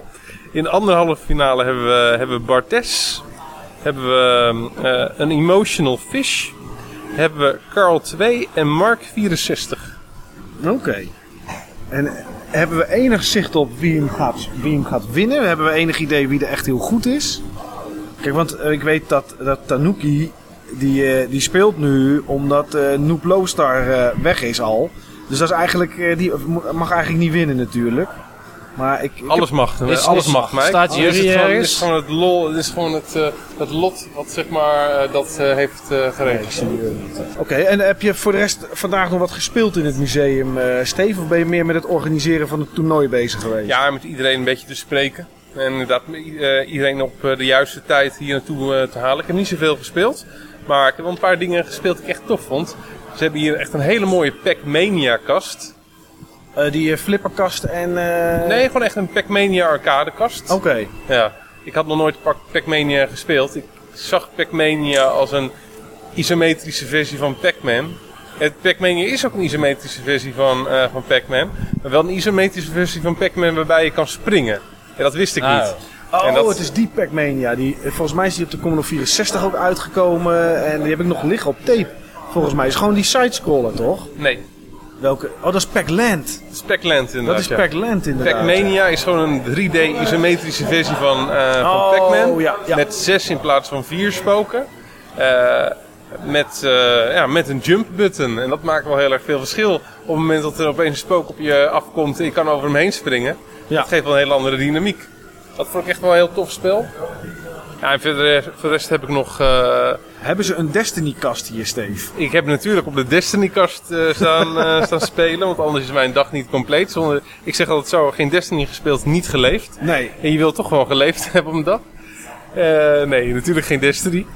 En, eh, En Terminator. Want Niels en ik hebben Terminator ja, ik, net heb- even ik heb gespeeld. Terminator gespeeld, maar ik heb Terminator gespeeld in mijn eentje. Dat is niet zoals je Terminator moet spelen. Ik ga natuurlijk nog met een van jullie ook Terminator spelen zometeen. Ja. Als, eh, het, als het toernooi eh, erop zit. En heb je Niels en mij Donkey Konga zien, zien jammen? Dat was het Ja. hoogtepunt van... eh, Podcastbom! Dat, nou, dit was een geregisseerde actie hoor. Ja. Ja, dit was, eh, Jur en Reda komen eventjes zich laten horen. Ja, dit was een. eh, ja. dat was Ja, een eh, dat was helemaal, helemaal spontaan, jongens. Dat, eh, ja. Heel goed. Jullie hadden echt gewoon als twee zielen op precies hetzelfde moment dezelfde gedachten. Super synchroon. Wij doen zo kazen. Ja, aan het begin Ja. van de Ja. podcast. Ja. Maar eh, ja, wij hebben even gedonkey Kongaat. eh, Ja. Er zijn ook foto's van als bewijs. Echt Oh. waar? Oh. Dat eh, wisten wij nog niet. Nee. Nee, maar Eh, het, eh, ja, dat, dat was voor mij toch een persoonlijk hoogtepunt van de dag. dat, en, en dag moet nog... En ja, Moet er nog zat beginnen. zoveel ritme in. Er zat zo, echt, Gloria Estefan had jullie allebei zo in de band eh, willen hebben. Ja, ik denk dat wij wel twee Dr. Beats waren. Ja. Ja. Dus eh, die Ja. hebben we gespeeld. En wat hebben we nog meer eigenlijk gespeeld? Wat vind je van het museum? Was je al eens eerder geweest, Steve? Nou, net als de meeste mensen hier was ik hier nog nooit geweest. En ik heb niemand gesproken die op deze locatie eh, geweest is. Als ze zeg maar, bij het museum geweest waren, en het waren er echt zeer weinig, dan waren ze op de oude locatie geweest. En wat is je indruk? Ja, de, het is in ieder geval groot, er is eh, veel te beleven, er is veel te spelen. Met name die arcadekast. Die arcadekast is ook echt wel voor je eh, zou moeten komen, vind ik persoonlijk. Ja. Daar zit de interactiviteit en dat is ook een mooi sfeervol hoekje. Eh, wij hebben nu ook onze eigen mooie sfeervolle hoekje, met, eh, maar dat is straks gewoon weg. Dat, noemen we, dat gebruiken we als evenementengedeelte en nu hebben wij dat. En ehm, ja, ze hebben ook echt wel leuke kasten, veel racers. Ja, ook heel wel, veel races. Ja, Ja. ook wel echt wel wat andere dingen. Ja. Wat ik wel leuk oud. vind is als je langs die schappen loopt waar dan die oude computers in staan en die rare plastic meuk zeg maar, dan denk ik heel vaak, hé, hey, dat ding heb ik vroeger ook eens gehad. Ja, En- of gespeeld bij of iemand, gespeeld, gezien. Ja. En dan gewoon niet meer doorhebben dat dat een gameapparaat was. Nee, ja, dat is wel zo inderdaad. Ja. Nee, er, is wel, er staat wel echt een hoop. Ja, Er staat echt een hoop. Dus dat is wel, eh, ja, als je een keer iets wil bekijken, dan eh, moet je het zeker doen. Ik heb voor het eerst van mijn leven heb ik op een eh, videopack gespeeld, Munchkin. Oh, dat is wel, eh, hoe, hoe beviel dat? Nou, het viel net zo goed als een slap aftreksel van Pac-Man met slechte controllers kan, eh, kan bevallen. Ja, Dus eh, ja, dat klopt Ja. inderdaad, ja. Maar ja, goed. En ja, als straks afgelopen is, dan gaat er nog gegeten worden. ja, gaat In een groot deel van, van de groep gaat eten bij de Ierse pub hier in, in Zwolle. En daar ja, zetten we de gezelligheid gewoon lekker door. Ik heb sowieso weer veel nieuwe gezichten gezien. Ik alleen maar. Want ik, ik, ik herkende bijna niemand. Dus eh, ik, kijk, maar nou, ik durf nooit in ook zoveel maar de Ja. laatste tijd. Ja, maar dan spieren dus, want dat is een stuk goedkoper. ja. wacht, ik zie de Jur daar met een noeste blik observeren. Jur, kom, kom even, kom Ja. even bij, Jur. We hebben je even nodig. Ja, Jij bent toch de man wat, die het... wat, eh, wat gebeurt er? Wat er gebeurt? Ja, Er zijn twee halve finales aan de gang. eh, maar wie, eh, wie, lijkt er En ik mag niet roken. Wat zei je? wie lijkt er op winst te staan? Ik, eh, ik geloof dat mijn neef het heel goed doet. Jouw neef? Wie is jouw neef? Ja, mijn neef Richard. Met zijn rode shirt. Oké. Oh, oké, Die is, Richard eh, is jouw neef. Ja, Ja, die was keihard aan het ownen net. Dus die, eh, die gaat misschien met, eh, Ik hoop het met wel. de gesigneerde, gesigneerde double dash naar En huis. dan koop ik hem van hem over. dat is goed bedacht inderdaad. Ja. Even kijken, want ze rijden nou in het Wario Stadium. Dus dat is volgens mij het laatste of het ene laatste level van deze cup. Ik heb deze cup nog niet gezien. Oh, Oké. En ik als Gamecube-verzamelaar heb Mario Kart op de Gamecube nog nooit gespeeld. Dus Nee, dat is wel... eh Ja. Het viel er wel een beetje tegen toen ik Ja. dat hoorde hier. ja, ik vond de Wii-versie leuker. Oké, nou, En dan de Wii U. Ja. dat eh, geloof ik ook wel. Ja, we kunnen wel eens eventjes gaan staan, eh, Niels. Want We zitten nu, dus even gaan kijken wat er gebeurt. als een soort Mart Smeets eh, Ja, verslag doen. Mart Smeets. Nou, doe je verslag. Ja, ik weet helemaal niet wie wie is, maar eh, ik zie één iemand ligt Volgens eerste. mij is eh, Lieutenant Greenbean, ja, dat weet ik nou zeker, want hij, hij, riep, hij riep terwijl een eh, blauw schild ergens ontplofte. Ja, hij is nu tweede. Dus hij is nou tweede. En Henry Tanuki ligt denk ik vierde. Maar dat komt omdat hij op krukken is, dus die, Ja, dat- gaat niet zo snel. En dan gaan we nu, Lieutenant Greenbean, ja, die, ja, we zagen het, die gooide... Tanuki gooide weer een blauw schild, dus Greenbean die werd weer geraakt omdat hij eerste lag. Lag je weer eerste dan? Hij lag weer eerste. Oké, ja, hij ligt nou derde, tweede. Oké, Ja, we kunnen even bij het andere scherm kijken, even kijken wat daar hij gebeurt. ligt Dan zijn vierde. We gaan maar snel weg, want volgens mij hebben we negatieve indruk. Ja, we beïnvloeden, we beïnvloeden zijn kwaliteiten. De neef van eh, Jur, zoals Jur net al zei, die ligt inderdaad eerste. Die staat eerste, ja. Dus dat doet hij goed. Hij Ja, maar jouw neef heeft wel Ja. skills hoor, dat is me wel... eh, Gaat hij dan? Wat gaat er door je heen? Oh, adrenaline jongens, adrenaline. Ik zal je niet afleiden. Volgens mij zit iedereen nou in het laatste lab. En allebei de... Ja, ze gaan in ieder geval synchroon. Die is echt best kort. Dit is composiet. Oké, we hebben één finalist al. zo. Yes. Nee, niet helemaal. Kijk maar even naar de uiteindelijke score. Oh, het gaat om dat... Ja, Ja. Gaat de nummer 1, er gaan twee mensen gaan het door hè? er gaan twee mensen door, ja. Ja. Ja, sterker nog, we hebben, we hebben twee finalisten hier. Ja, Het is duidelijk. P2 en P3. Wie zijn P2 en P3? Ik ben P3. en dit is Peter Zwart. Ja. Wat gaat er door je heen? Ja. Weinig, weinig op het moment. Ik ben, ik ben wel blij. eh. ik heb het laatste potje soort van flabbergasted Ik ben. flabbergasted, ja. Dat je het gehaald ja. hebt. Ik heb er geen woorden voor eigenlijk. Nee. Maar eh, nee, ik ben wel blij dat ik het gehaald heb, ja. Ik heb die laatste pot echt verprutst, omdat ik de verkeerde kant op reed. Maar De ik verkeerde had er kant da- op. Ja, ik weet niet. Ik zat op het verkeerde mannetje te letten. Oh, dus ik, eh, ja, ja, ja, ja, ja. En toen ik mijn eigen mannetje gevonden had, toen bleek dat hij achterom reed. Dus dat, dat, hielp, dat, dat hielp niet mee. Dus dat maakt het nog een soort van spannend. Maar Nou, dat is toch ik ben blij met mijn finale plaats. Nou, mooi. Absoluut. En wie heeft in, het andere, in de andere groep gewonnen? Wie heeft gewonnen in de andere groep? Ja? Hè, wie heb jij gewonnen? Ja, Tanuki... Kijk, we eh, spreken nu met de winnaar van groep 2. Wil je nog iemand bedanken? Iemand uit Tilburg? Ja, een eh, bepaalde persoon is net weggegaan, want Ja. eh, die eh wou graag gaan roken. ja, dus eigenlijk, eigenlijk had je eruit gelegen. ja, maar eh reservespeler. Reservespeler. En dan door naar de finale. Via de rebound door naar de finale. Nou, dat is Ja. toch mooi dat je nog een tweede kans hebt gekregen. En wie is de tweede die door is? Want we gaan de tweede eerlijk door. gezegd niet meer. Oh. Ja, hij is hier wel. Anders kan hij niet winnen. Oh, is dat daar? Oké, het, is, het is Stan. Stan heeft is Stan, ben Ben jij tweede? Wat gaat er door je heen als tweede? Nou- een finale plek. Ja, heel moeilijk met al die blauwe schilden. Dat was wel. eh, ik heb er in drie races had ik er op een gegeven moment acht gehad achter elkaar als eerste Ja. plek. En ik ben dus drie keer tweede geworden en één keer eerste. Dus Ja. dat was een beetje. Ja, maar dat is goed. Ja, het, was- het was, nou het was veel? echt Mario Kart. Speel je veel Mario. Kart? Nou, de Double Dash niet. Double Dash niet. Ik heb eh, de Wii U versie heel veel gespeeld. Ja. Mario Kart 8. En wat is nou de beste versie van Mario Kart? Ja, daar mag eh, hij zo meteen op antwoorden. Want zo meteen vindt hij misschien als hij zou winnen. Double Dash wel de beste versie. Ja, van ik, denk. Double Dat Dash. Oké. en we gaan nu ook direct over naar de finale. Ja, het is duidelijk. Drie keer gewonnen, één keer tweede geworden. En ja, Zonder die ene Ja. keer tweede. Dat is Ja, dat is, we, eh, we vroegen het net al aan je. We vroegen het net al aan je. Wat is nou je favoriete Mario Kart? Ja, ik denk toch Mario Kart Double Dash. Dat snap ik.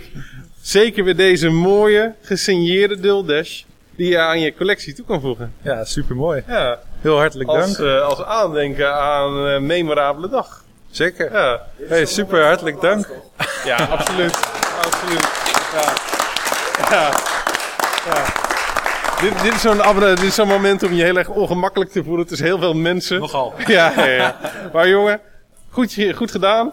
goed om, eh, ja, om je ook te verwelkomen, want we kennen je nog, eh, nog niet. We kennen je natuurlijk wel wat voor, maar nog niet eh, van, het, van het echt. En leuk dat je dan ook direct met de grote prijs aan de haal gaat. Ja, vind ik ook. Dus ja, ik zou er een traditie van maken. Eh, nou, volgend jaar komt er ongetwijfeld weer een Button Innovations dag. En hij is nog niet eens over. Want we gaan nu gewoon nog even lekker van de arcadekast eh, en de andere mogelijkheden eh, genieten. Maar voor nu ben je- mag je je... Kijk, de kampioen van vorig jaar die staat je nu op te nemen. Ja, dat is waar. Niels? Ja. Dus nu mag jij je de nieuwe kampioen van dit jaar noemen. Gefeliciteerd. Dankjewel.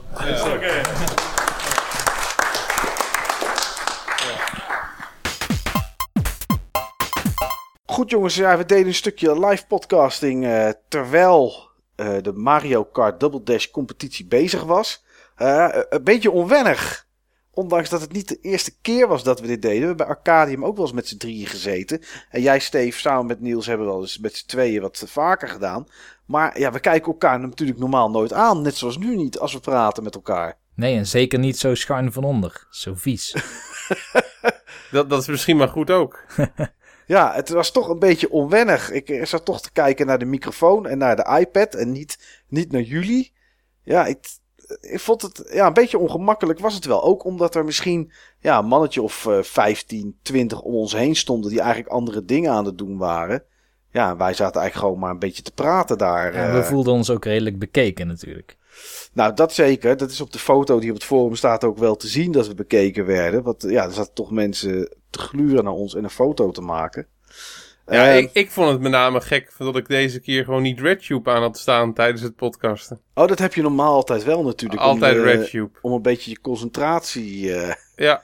concentratie hoog te houden.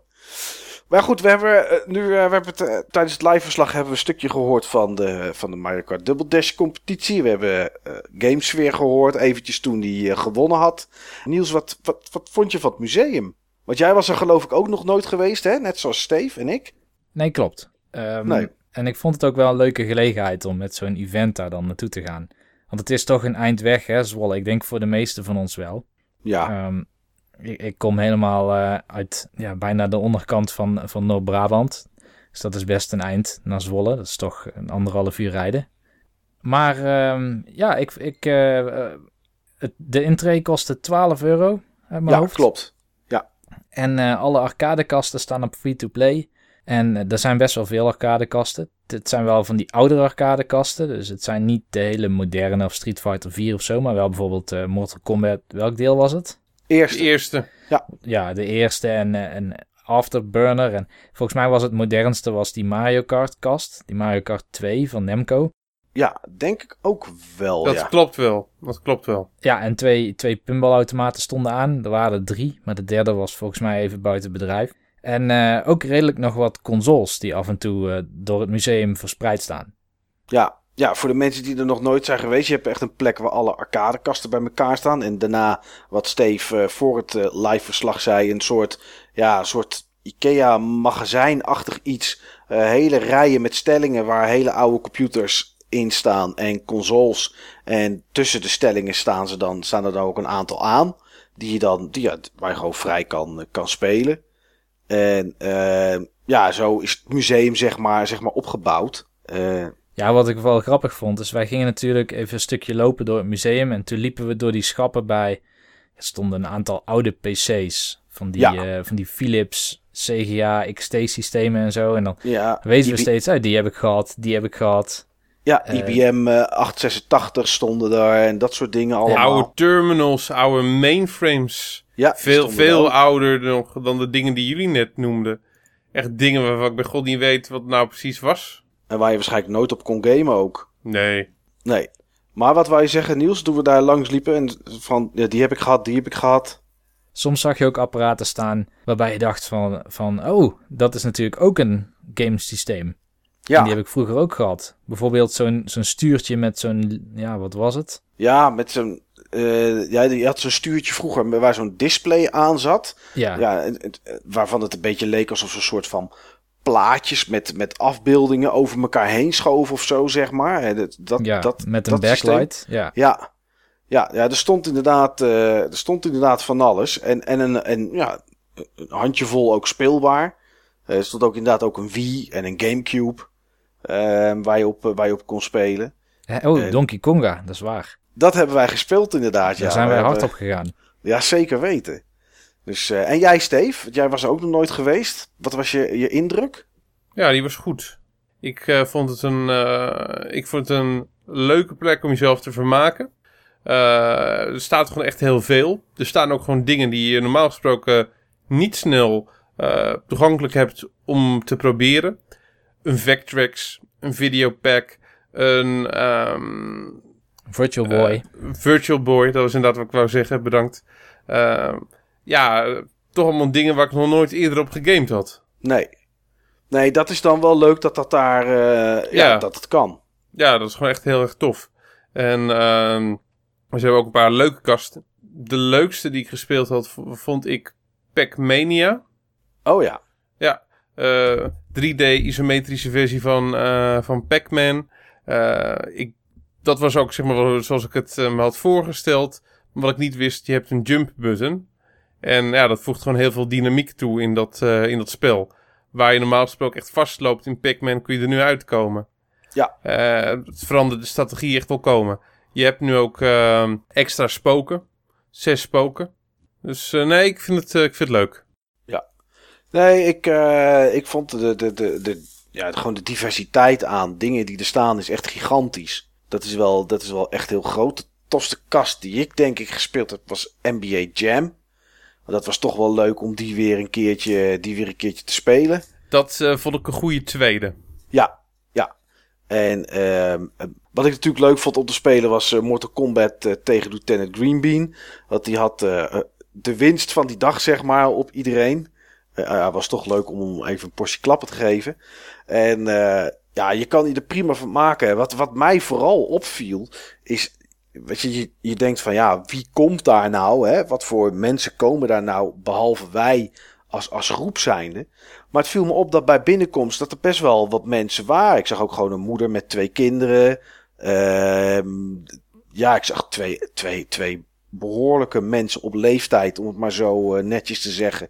En die zaten eh, volgens mij eh, Galaga of zo te spelen. Of, of, of, of Defender. Ik weet niet wat die aan het spelen waren. Er waren wat families. Ja, waren wat families. Er was volgens mij een, een groepje met wat met, met, met geestelijk, ge, re- geestelijk eh, gehandicapten waren er volgens men- mij. mensen met een beperking inderdaad, ja. Ja, dus het was best wel, dat, dat was best wel redelijk wat volk.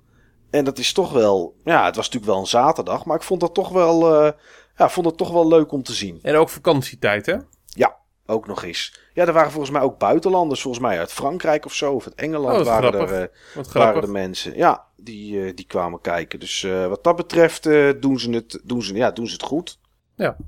En ja, nog wel wat dingen die opvielen die, die wellicht nog wat beter zouden kunnen. Een deel van de, van de kast eh, die, eh, die deed het niet. Nee. Of, eh, of, had wat, of had wat problemen. Ja, dat vond ik het enige jammere aan de kasten.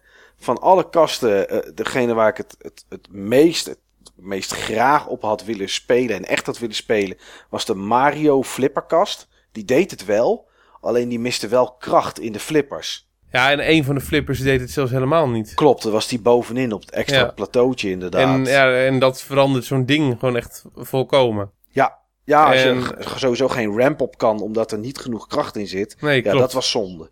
En ik weet ook gewoon niet wat voor afspraken ze hebben met mensen die eh, kasten bij hun stellen, eh, stallen. Een deel van die kasten die hebben ze echt gedoneerd gekregen, maar een deel van die kasten hebben ze in bruikleen. Oké. Ik weet niet wat voor afspraken er is rond het onderhoud. Nee, nee, ik weet wel eh, eh, van een oom van mij die vroeger eh, flipperkasten repareerde. Ehm, ja, die dingen hebben echt veel onderhoud nodig. Want er staan natuurlijk mensen staan als een mogol staan ze op dat ding te rammen.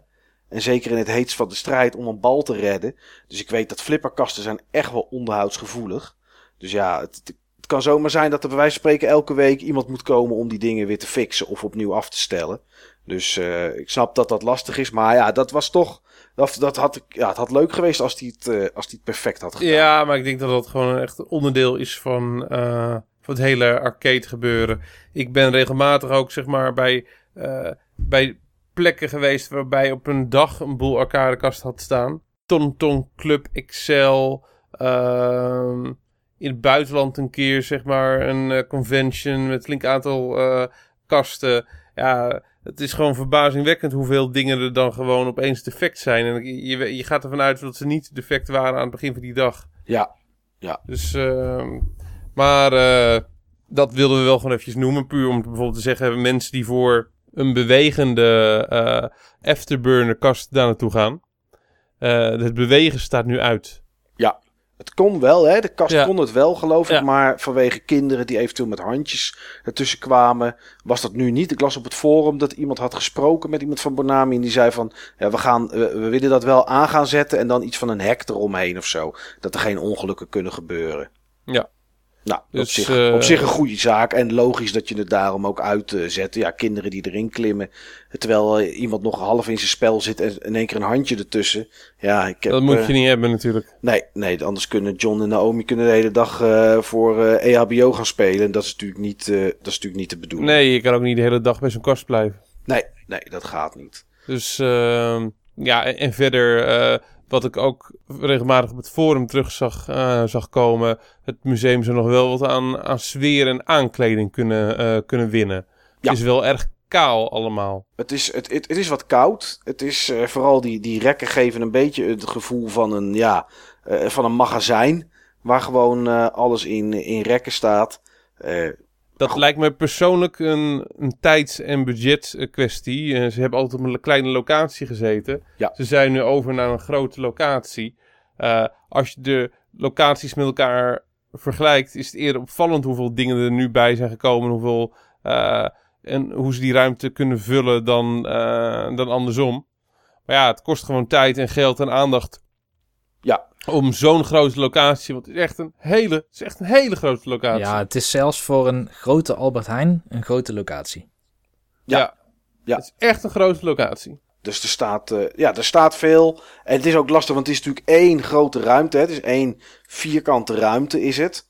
Ehm, ja, dat is lastig om dat in te delen. Dan zou je met schotten moeten gaan werken en een soort van kamertjes creëren, een soort huiskamertjes, iets. En ehm, ja, daar zou je wel wat sfeer mee kunnen brengen. Maar goed, Ja. ze zitten er nog niet zo lang, volgens Nee, mij een dat, half dat jaar zouden of zo. We, dat zouden we op dit moment denk ik mee kunnen geven als grootste verbeterpunt. Ja, ja, zeker weten. Maar buiten, buiten dat is er genoeg te zien, te beleven en te doen. Ja, zeker een eh, bezoekje waard. Ja. Dat waren onze indrukken van, eh, van de dag en wat wij zo'n beetje mee hebben gemaakt. Maar Niels, jij bent ook met de microfoon rondgegaan bij een eh, aantal van onze bezoekers die daar eh, ter plekke waren, als het goed is. Ja, dat klopt, ja.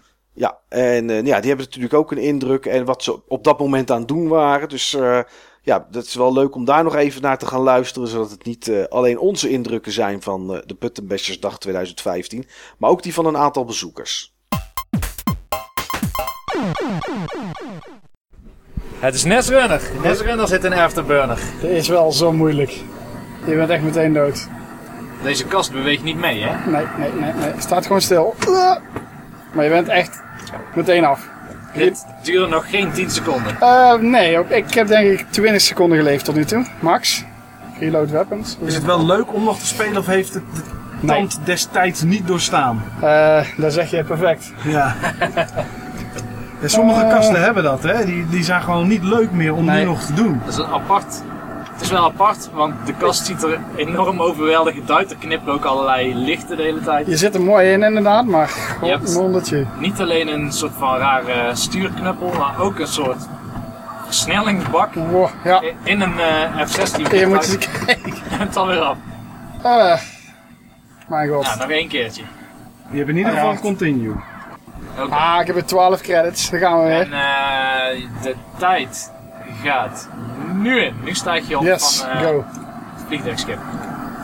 Oké, want daarnet was je in het donker, dus je bent wel ergens gekomen. Ja. Ja, als je maar vaak genoeg afgaat, hè, dan eh, Maar kom je vanzelf kom je het steeds verder. dan? Yes, Wat een eh, behoorlijk snel en actief spel is het. nogal, nogal. Is het een beetje te besturen ook of valt het tegen? Besturing is op zich goed, maar... Ik weet niet wat dat daarboven is, maar het moet denk ik stuk. Oh, je bent nu zelf Er is alweer een Ja, ja, jongens. En je stort neer. Hier was ik net ook. De eerste keer. Nou, Mike, zullen we weer even verder gaan? Ja, wij gaan kijken bij iemand eh, waar het wel lukt. Die wel kan. Ja, eh, succes. yes. Kom, we gaan naar Ja.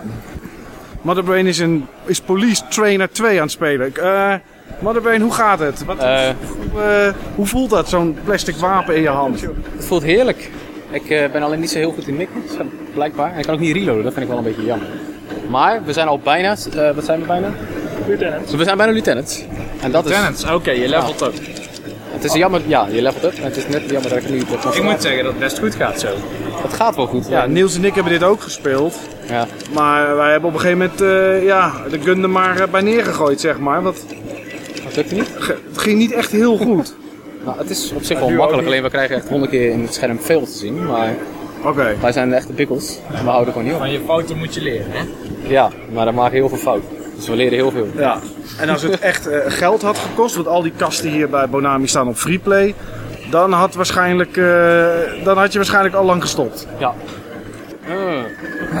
Nou, we gaan even Oh, verder kijken wat er nog meer eh, te beleven Dat is. is goed. We gaan eh, nog een keer proberen. Jij wilt Terminatoren? Ik wil met jou Terminator. Nou, dan gaan we dat niet doen, want dan staan Oh. mensen te Terminator al. Volgens mij is Treppen samen met het zoontje van eh, Dennis eh, Terminator aan het spelen. klopt. Dan gaan wij samen iets anders doen. Wil je dansen met mij? eh, Ik wil niet met jou dansen. Wat dacht je van super tennis met een plakkerige controle? nee, die wil ik ook niet. Oh hier. NBA Jam. NBA Jam. Dat wordt. Zitten we dan in hetzelfde team? Dat kan als we dat willen, maar we kunnen ook tegen Ik vind het leuker om in hetzelfde team met jou te zitten, omdat wij ook een beetje een team zijn. Ik vind het dan weer leuker eigenlijk om competitief te spelen. Dan gaan we gewoon competitief. Mooi, want dan ben ik Ik speler ben 3. makkelijk, dan ben ik speler 1. Nou, dan gaan we Steve. Wat is jouw favoriete basketbalteam? De Denver Ja. Broncos. Dat ik zie, ik De zie Denver Broncos er zit, staan er niet. zit allemaal, er zit allemaal, allemaal De LA Clippers. hier. Hardway en Anderson. Oké, jij, de jij bent de Magic. Ik neem eh, Chicago en dan neem ik eh, Pippen en Armstrong. Pippen was trouwens ook een console van Apple, hè? Staat hier ook? Heeft Eh, iemand die gezien? Ja, maar die schrijf, je anders. Dat schrijf je met een eh, i in plaats van een e. Maar ik heb hem niet gezien. Ik heb hem ook nog niet gezien. Heb jij hem wel gezien? Nee. Dat was natuurlijk een groot succes, de Pippin.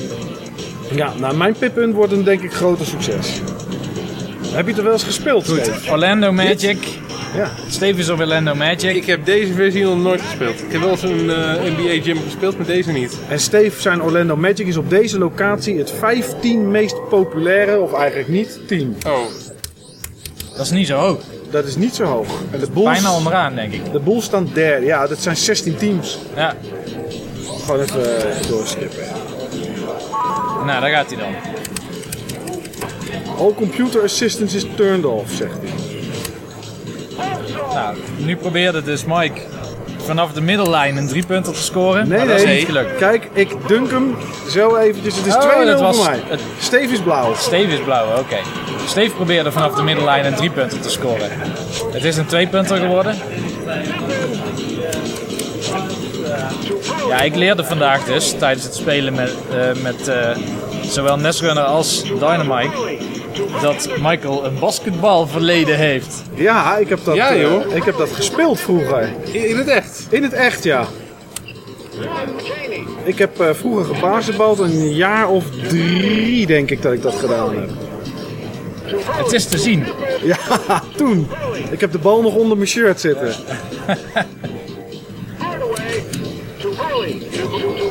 Ah, Steve, 4-4. Ik heb nog geen boom shakalaka gehoord. Oh, Daar komt hij. een- Hopla. Hij zei iets anders. Hij, hij zei too early, too early.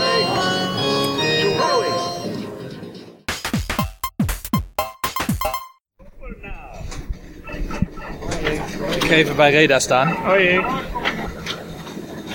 Die is de Super Mario Bros. pinball game aan het spelen. Al eh, veel geluid, weinig punten. Veel geluid, weinig punten, veel licht. Oh, veel ballen. Oh, oh, oh. Multibal. Multibal. Alles knippert ook. Dat is, eh, dat, eh, is niet goed voor mijn eh, stresslevels en zo. Ja, de, gelukkig zijn bijna alle ballen al weg. Precies. oh, eh, Luigi doen wij. Ja, ja, ja. Oh, oh. Oh, maar je hebt al bijna 10 miljoen. Dat bedoel ik. Mijn topscore was 3 miljoen. Nou, volgens mij start ik bij 5 of zo. eh, dus eh, Ah, oké, het, valt, eh, het klinkt beter dan wat het is. En bal kwijt. Maar wel Ja. een Yoshi bonus. En je bent over de 10 miljoen. Kijk, en nu eh, ben ik af. Ja, Nog een keer proberen dan. Ik, eh, ik schuif iemand naar voren Ah, die hier eh, veel beter in is. Met heel veel enthousiasme, zoals je hoort. Ja. En die, eh, die gaat hem nu aanzetten. Zo. Nou, nieuwe ronde, nieuwe kansen. Ja. De bal komt naar beneden op de flipper. Of dat dat in het gat valt of dat het goed is, dat weet ik niet. Ja, want je kreeg een double Yoshi bonus. Een double Yoshi bonus. En die wil je hebben. hebben. vast goed, altijd. Nou, alles knippert en de bal is langer in het spel dan in mijn poging. Dus gaat nog niet zo En onaardig. Runcible. Hop. Ik, ik wil even voor de luisteraars benadrukken dat ik niet meer aan het spelen ben. Hè? Nee, dit is niet Reda. Ik loop weer een stukje verder. Ik kom op een uiterst geschikt moment bij Anton staan. Danny van CNG. Hallo Anton. Dag. Dag. Dag. Wat ben je aan het doen?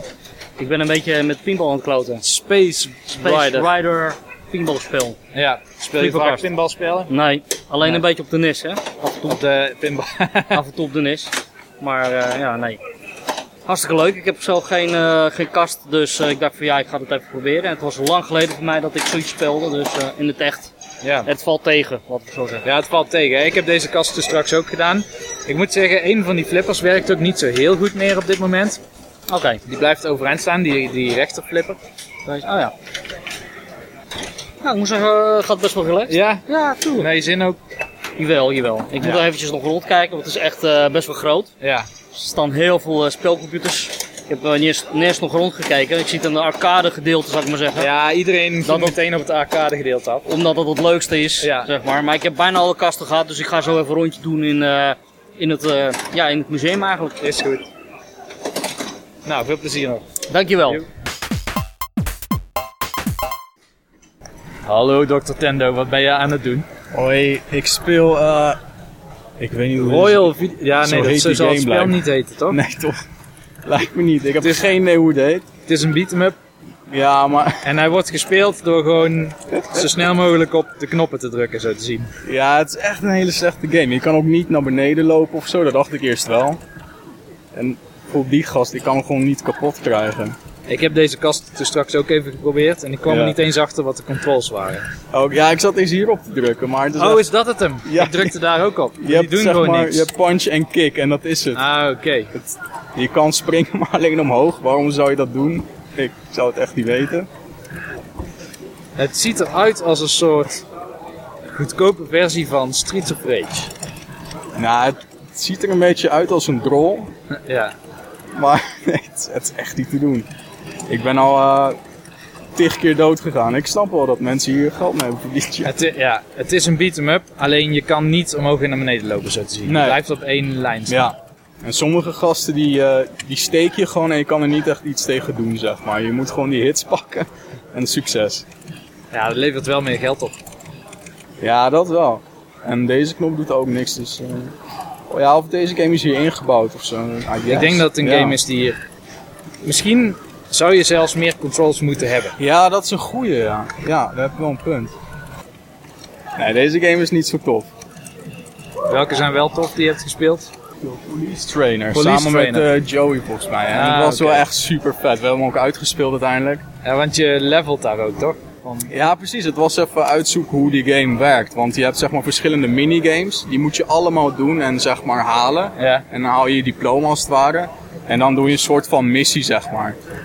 En als je die missie eh, eh, hebt gecomplete, dan krijg je weer een nieuwe rang erbij. En dan doe je weer een paar minigames. En dan unlock je weer een missie, doe je die missie. En zo gaat het steeds verder dat je chief, Ah, police, oké. captain bent of zo.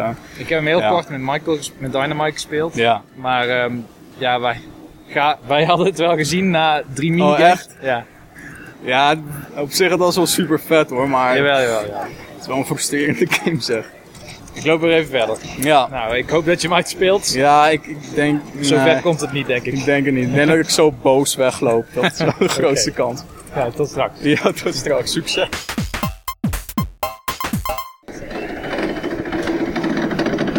Wat een hoop lawaai. Ja, geweldig hè? Ja.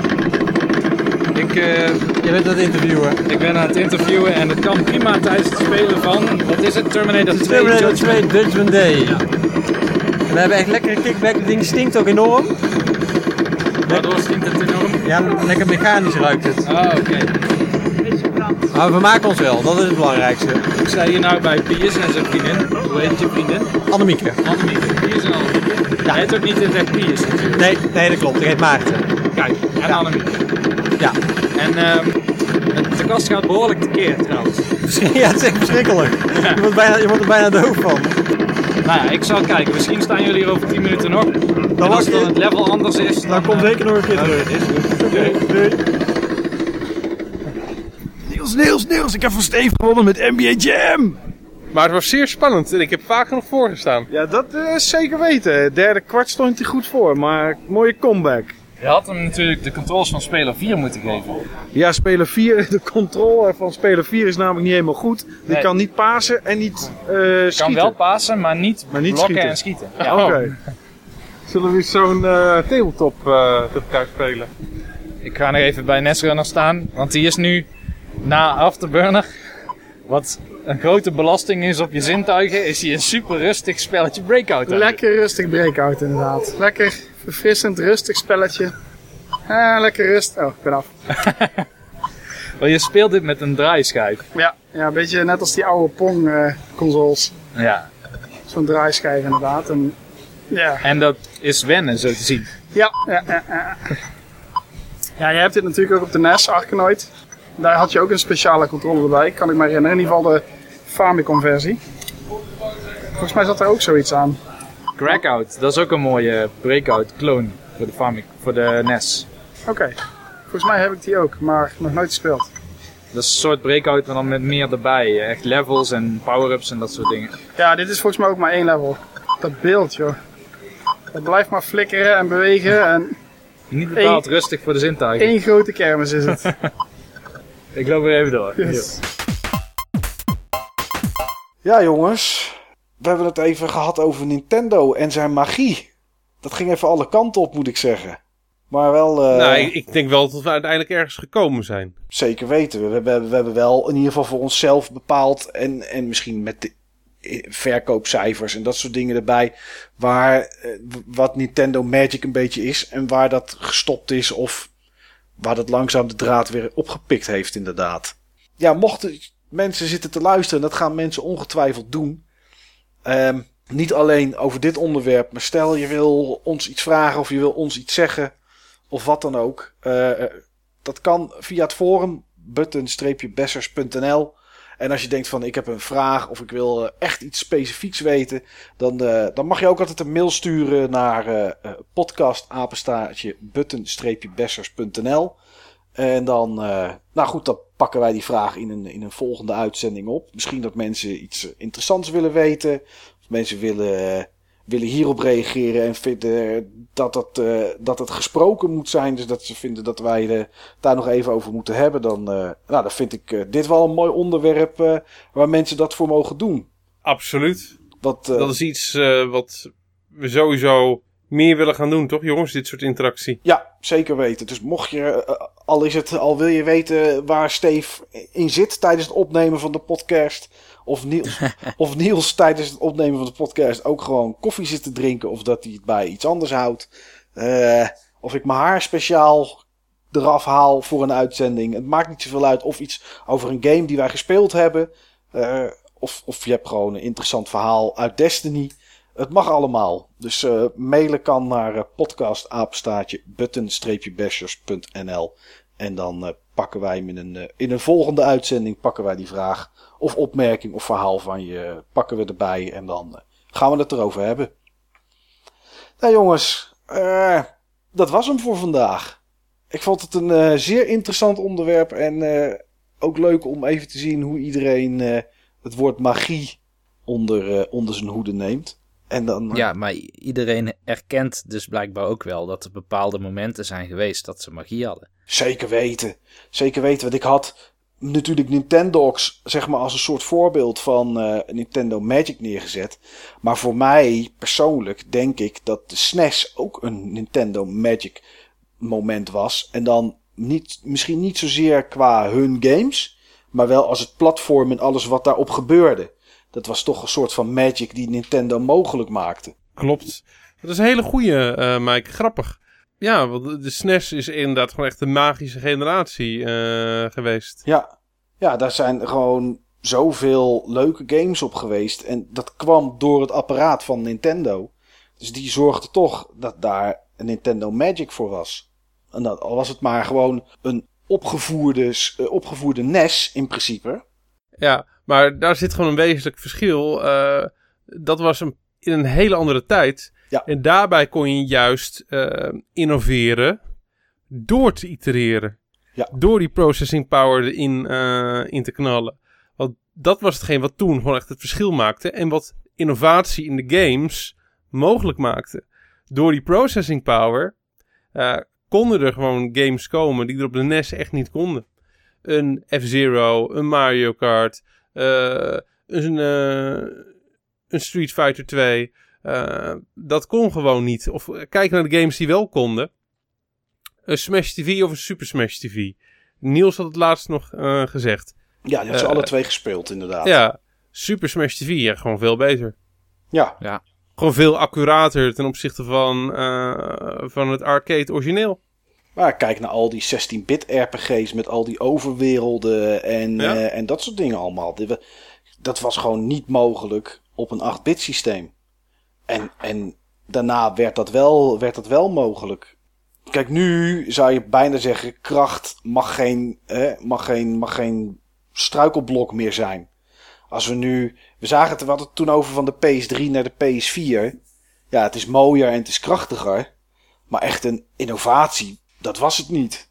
Nee, en kijk naar, eh, naar Destiny, waarvan ik echt wel durf te zeggen. Ik zit ook gewoon middenin, maar ik lees er gewoon zoveel over. Dat is echt een van de grootste succesverhalen van deze, eh, van deze generatie. Dat is op dit moment gewoon de nieuwe IP van deze generatie. Maar ehm, het is gewoon een game die in principe net zo goed werkt. eh, met wat minpunten. Maar waarbij alles kan wat je eh, moet kunnen. Alles de, doet wat je, eh, wat, je, wat je ook op de next gen eh, versie eh, doet. Op de PS3 en de, eh, Op de 360. Ja, en de 360. Ja. Dat soort games hadden we in principe op de PC in de jaren 90 zelfs al. Ja, in principe wel. Want daar was eh, de grootte en, en, en dat soort dingen allemaal. boeide daar niet zo, niet zo heel veel. Dus kijk, het is inderdaad, denk ik inderdaad, Steve gelijk. Nou, ik weet zeker dat Steve gelijk heeft dat het de, de, de grootste nieuwe IP is die we tot nu toe gezien Ja. hebben van deze nieuwe generatie consoles. Maar het zegt natuurlijk genoeg dat hij ook op de 360 en de PS3 uitgekomen is. En daar gewoon goed op draait. Het is niet alsof het daar piept en kraakt zoals eh, Shadow of Mordor of zo. Nee, nee, totaal niet. En ja, goed, dat, dat geeft inderdaad aan dat die innovatie nu met meer kracht en meer, meer, nou ja, dat is het eigenlijk puur alleen maar meer kracht, dat die niet zo, niet zo vooruitstrevend meer is, de verschillen, dan dat je in het tijd, de, tijdperk van de, van de NES naar de SNES had. Ja, en om heel eerlijk te zijn, misschien is dat ook wel helemaal niet nodig. Want Destiny bijvoorbeeld is een nieuwe iteratie als het gaat om ambitie op consoles. Ja. En dat er nieuwe consoles kwamen, heeft misschien die dat ambitieniveau weer een tandje hoger gezet. En dat staat dan misschien wel los van wat de consoles technisch konden. En een van de dingen die Nintendo, waar ze wel een andere balans in moeten zien eh, te vinden, is ook iets wat we eh, al aangestipt hebben. Iets wat ze tot nu toe gewoon niet goed doen, dat is dat social aspect. Ja. Ehm, waarom zit ik zo into Destiny? Omdat ik gewoon avond op avond zit te praten met mijn vriendengroepje. En we hebben het over Destiny en we hebben het over van alles en we lachen en we delen dingen met elkaar. En zo'n ehm, zo'n zo'n plaza-achtig eh, ding, hoe heet het? Zo'n... Bij Splatoon, zo'n... eh, Ja, gewoon zeg maar op de Wii U waar je dingetjes op kunt Oh, posten. Miiverse. Ja, Miiverse. eh, ja, dat, dat is het, het gewoon niet, joh. Nee, nee, je ziet het natuurlijk aan al die games die nu uitkomen. Heel veel games. Bij de E3 zagen we het ook. En daar hebben we het in die uitzending ook over gehad. Hoeveel 5 tegen 5 games of 4 tegen 1. Zoals eh, Evolve of straks Fable Legends. Al die games die nu uitkomen, al die nieuwe games, hebben grotendeels zijn die bevlekt, zeg maar, met online, met mensen samenspelen en dus communiceren. Ja, en daar zitten ze gewoon in een lastige squeeze. Want enerzijds moet je die boot niet missen. En dat is wel gewoon wat ze nu doen. En anderzijds, ja, eh, ik snap volkomen waarom ze de boot missen. Ja. Het is gewoon een hele bewuste en eigenlijk ook gewoon goede keuze. Is het ook. Maar, maar het kan toch echt niet allebei? Dus ja, dan eh, moeten ze dat misschien meer scheiden. Moeten ze zeg maar eh, dat wel introduceren, maar alleen voor, eh, voor de volwassen gamers. We moeten zeg maar een aparte omgeving hebben voor, voor de kids. En eentje voor de... adults. Adults en adolescenten. Ja. Eh, Het- ja. het- dat zou als iets goeds klinken, maar dat ze, eh, zeg maar op papier, maar ik denk, in, ik denk in theorie dan, als je die twee groepen ook nog van elkaar gaat scheiden, ja, dat wordt hem niet, vrees ik. Ja, ik weet het niet. Ik heb, ik heb geen behoefte om te gamen met kinderen. Nee. Ja, met mijn dochter af en toe. Maar dat is dan op de bank. maar Dat is, ander, dat is anders. Maar ik heb geen behoefte om te gamen met, met, met kinderen. Nee. Ehm, onze ja, clanleader is er niet, zeg maar. Maar onze, onze figurehead van zeg maar, onze Destiny groepje... die heeft ook gewoon één regel. En dat is hij wil een baard in de keel horen. En anders dan wil hij er gewoon niet mee spelen. En eh, ja, dat, dat is gewoon terecht. Dat is ergens op gebaseerd. Ja. Ja, lastig. Maar goed. Eh, ja, we gaan het zien wat de toekomst brengt. Of de Nintendo Magic terugkomt. En, eh, en hoe. En tegen de tijd dat we echte informatie hebben over de Nintendo NX. Dan weet ik zeker dat we het er nog een keer over gaan hebben. En dan kunnen we deze aflevering er misschien als referentie bij pakken. Om te zien eh, of er iets van onze, onze magische dromen werkelijkheid is geworden. Ik eh, ga niet het hele verhaal van de afsluiting die we eigenlijk net al hebben gedaan nog een keer doen. Ik, eh, ik herhaal nog één keer podcast apenstraatje button-bessers.nl als je iets kwijt wil. Nou, mocht je niet een mail willen tikken, maar gewoon iets op het forum willen zetten, dan kan dat ook op eh, www.button-bessers.nl. En dan zeg ik Steve en Niels, eh, ja, bedankt voor deze uitzending weer. En eh, ja, op naar nummer 52, want dit was aflevering 51. Wilde ik nog even gezegd hebben voor de duidelijkheid.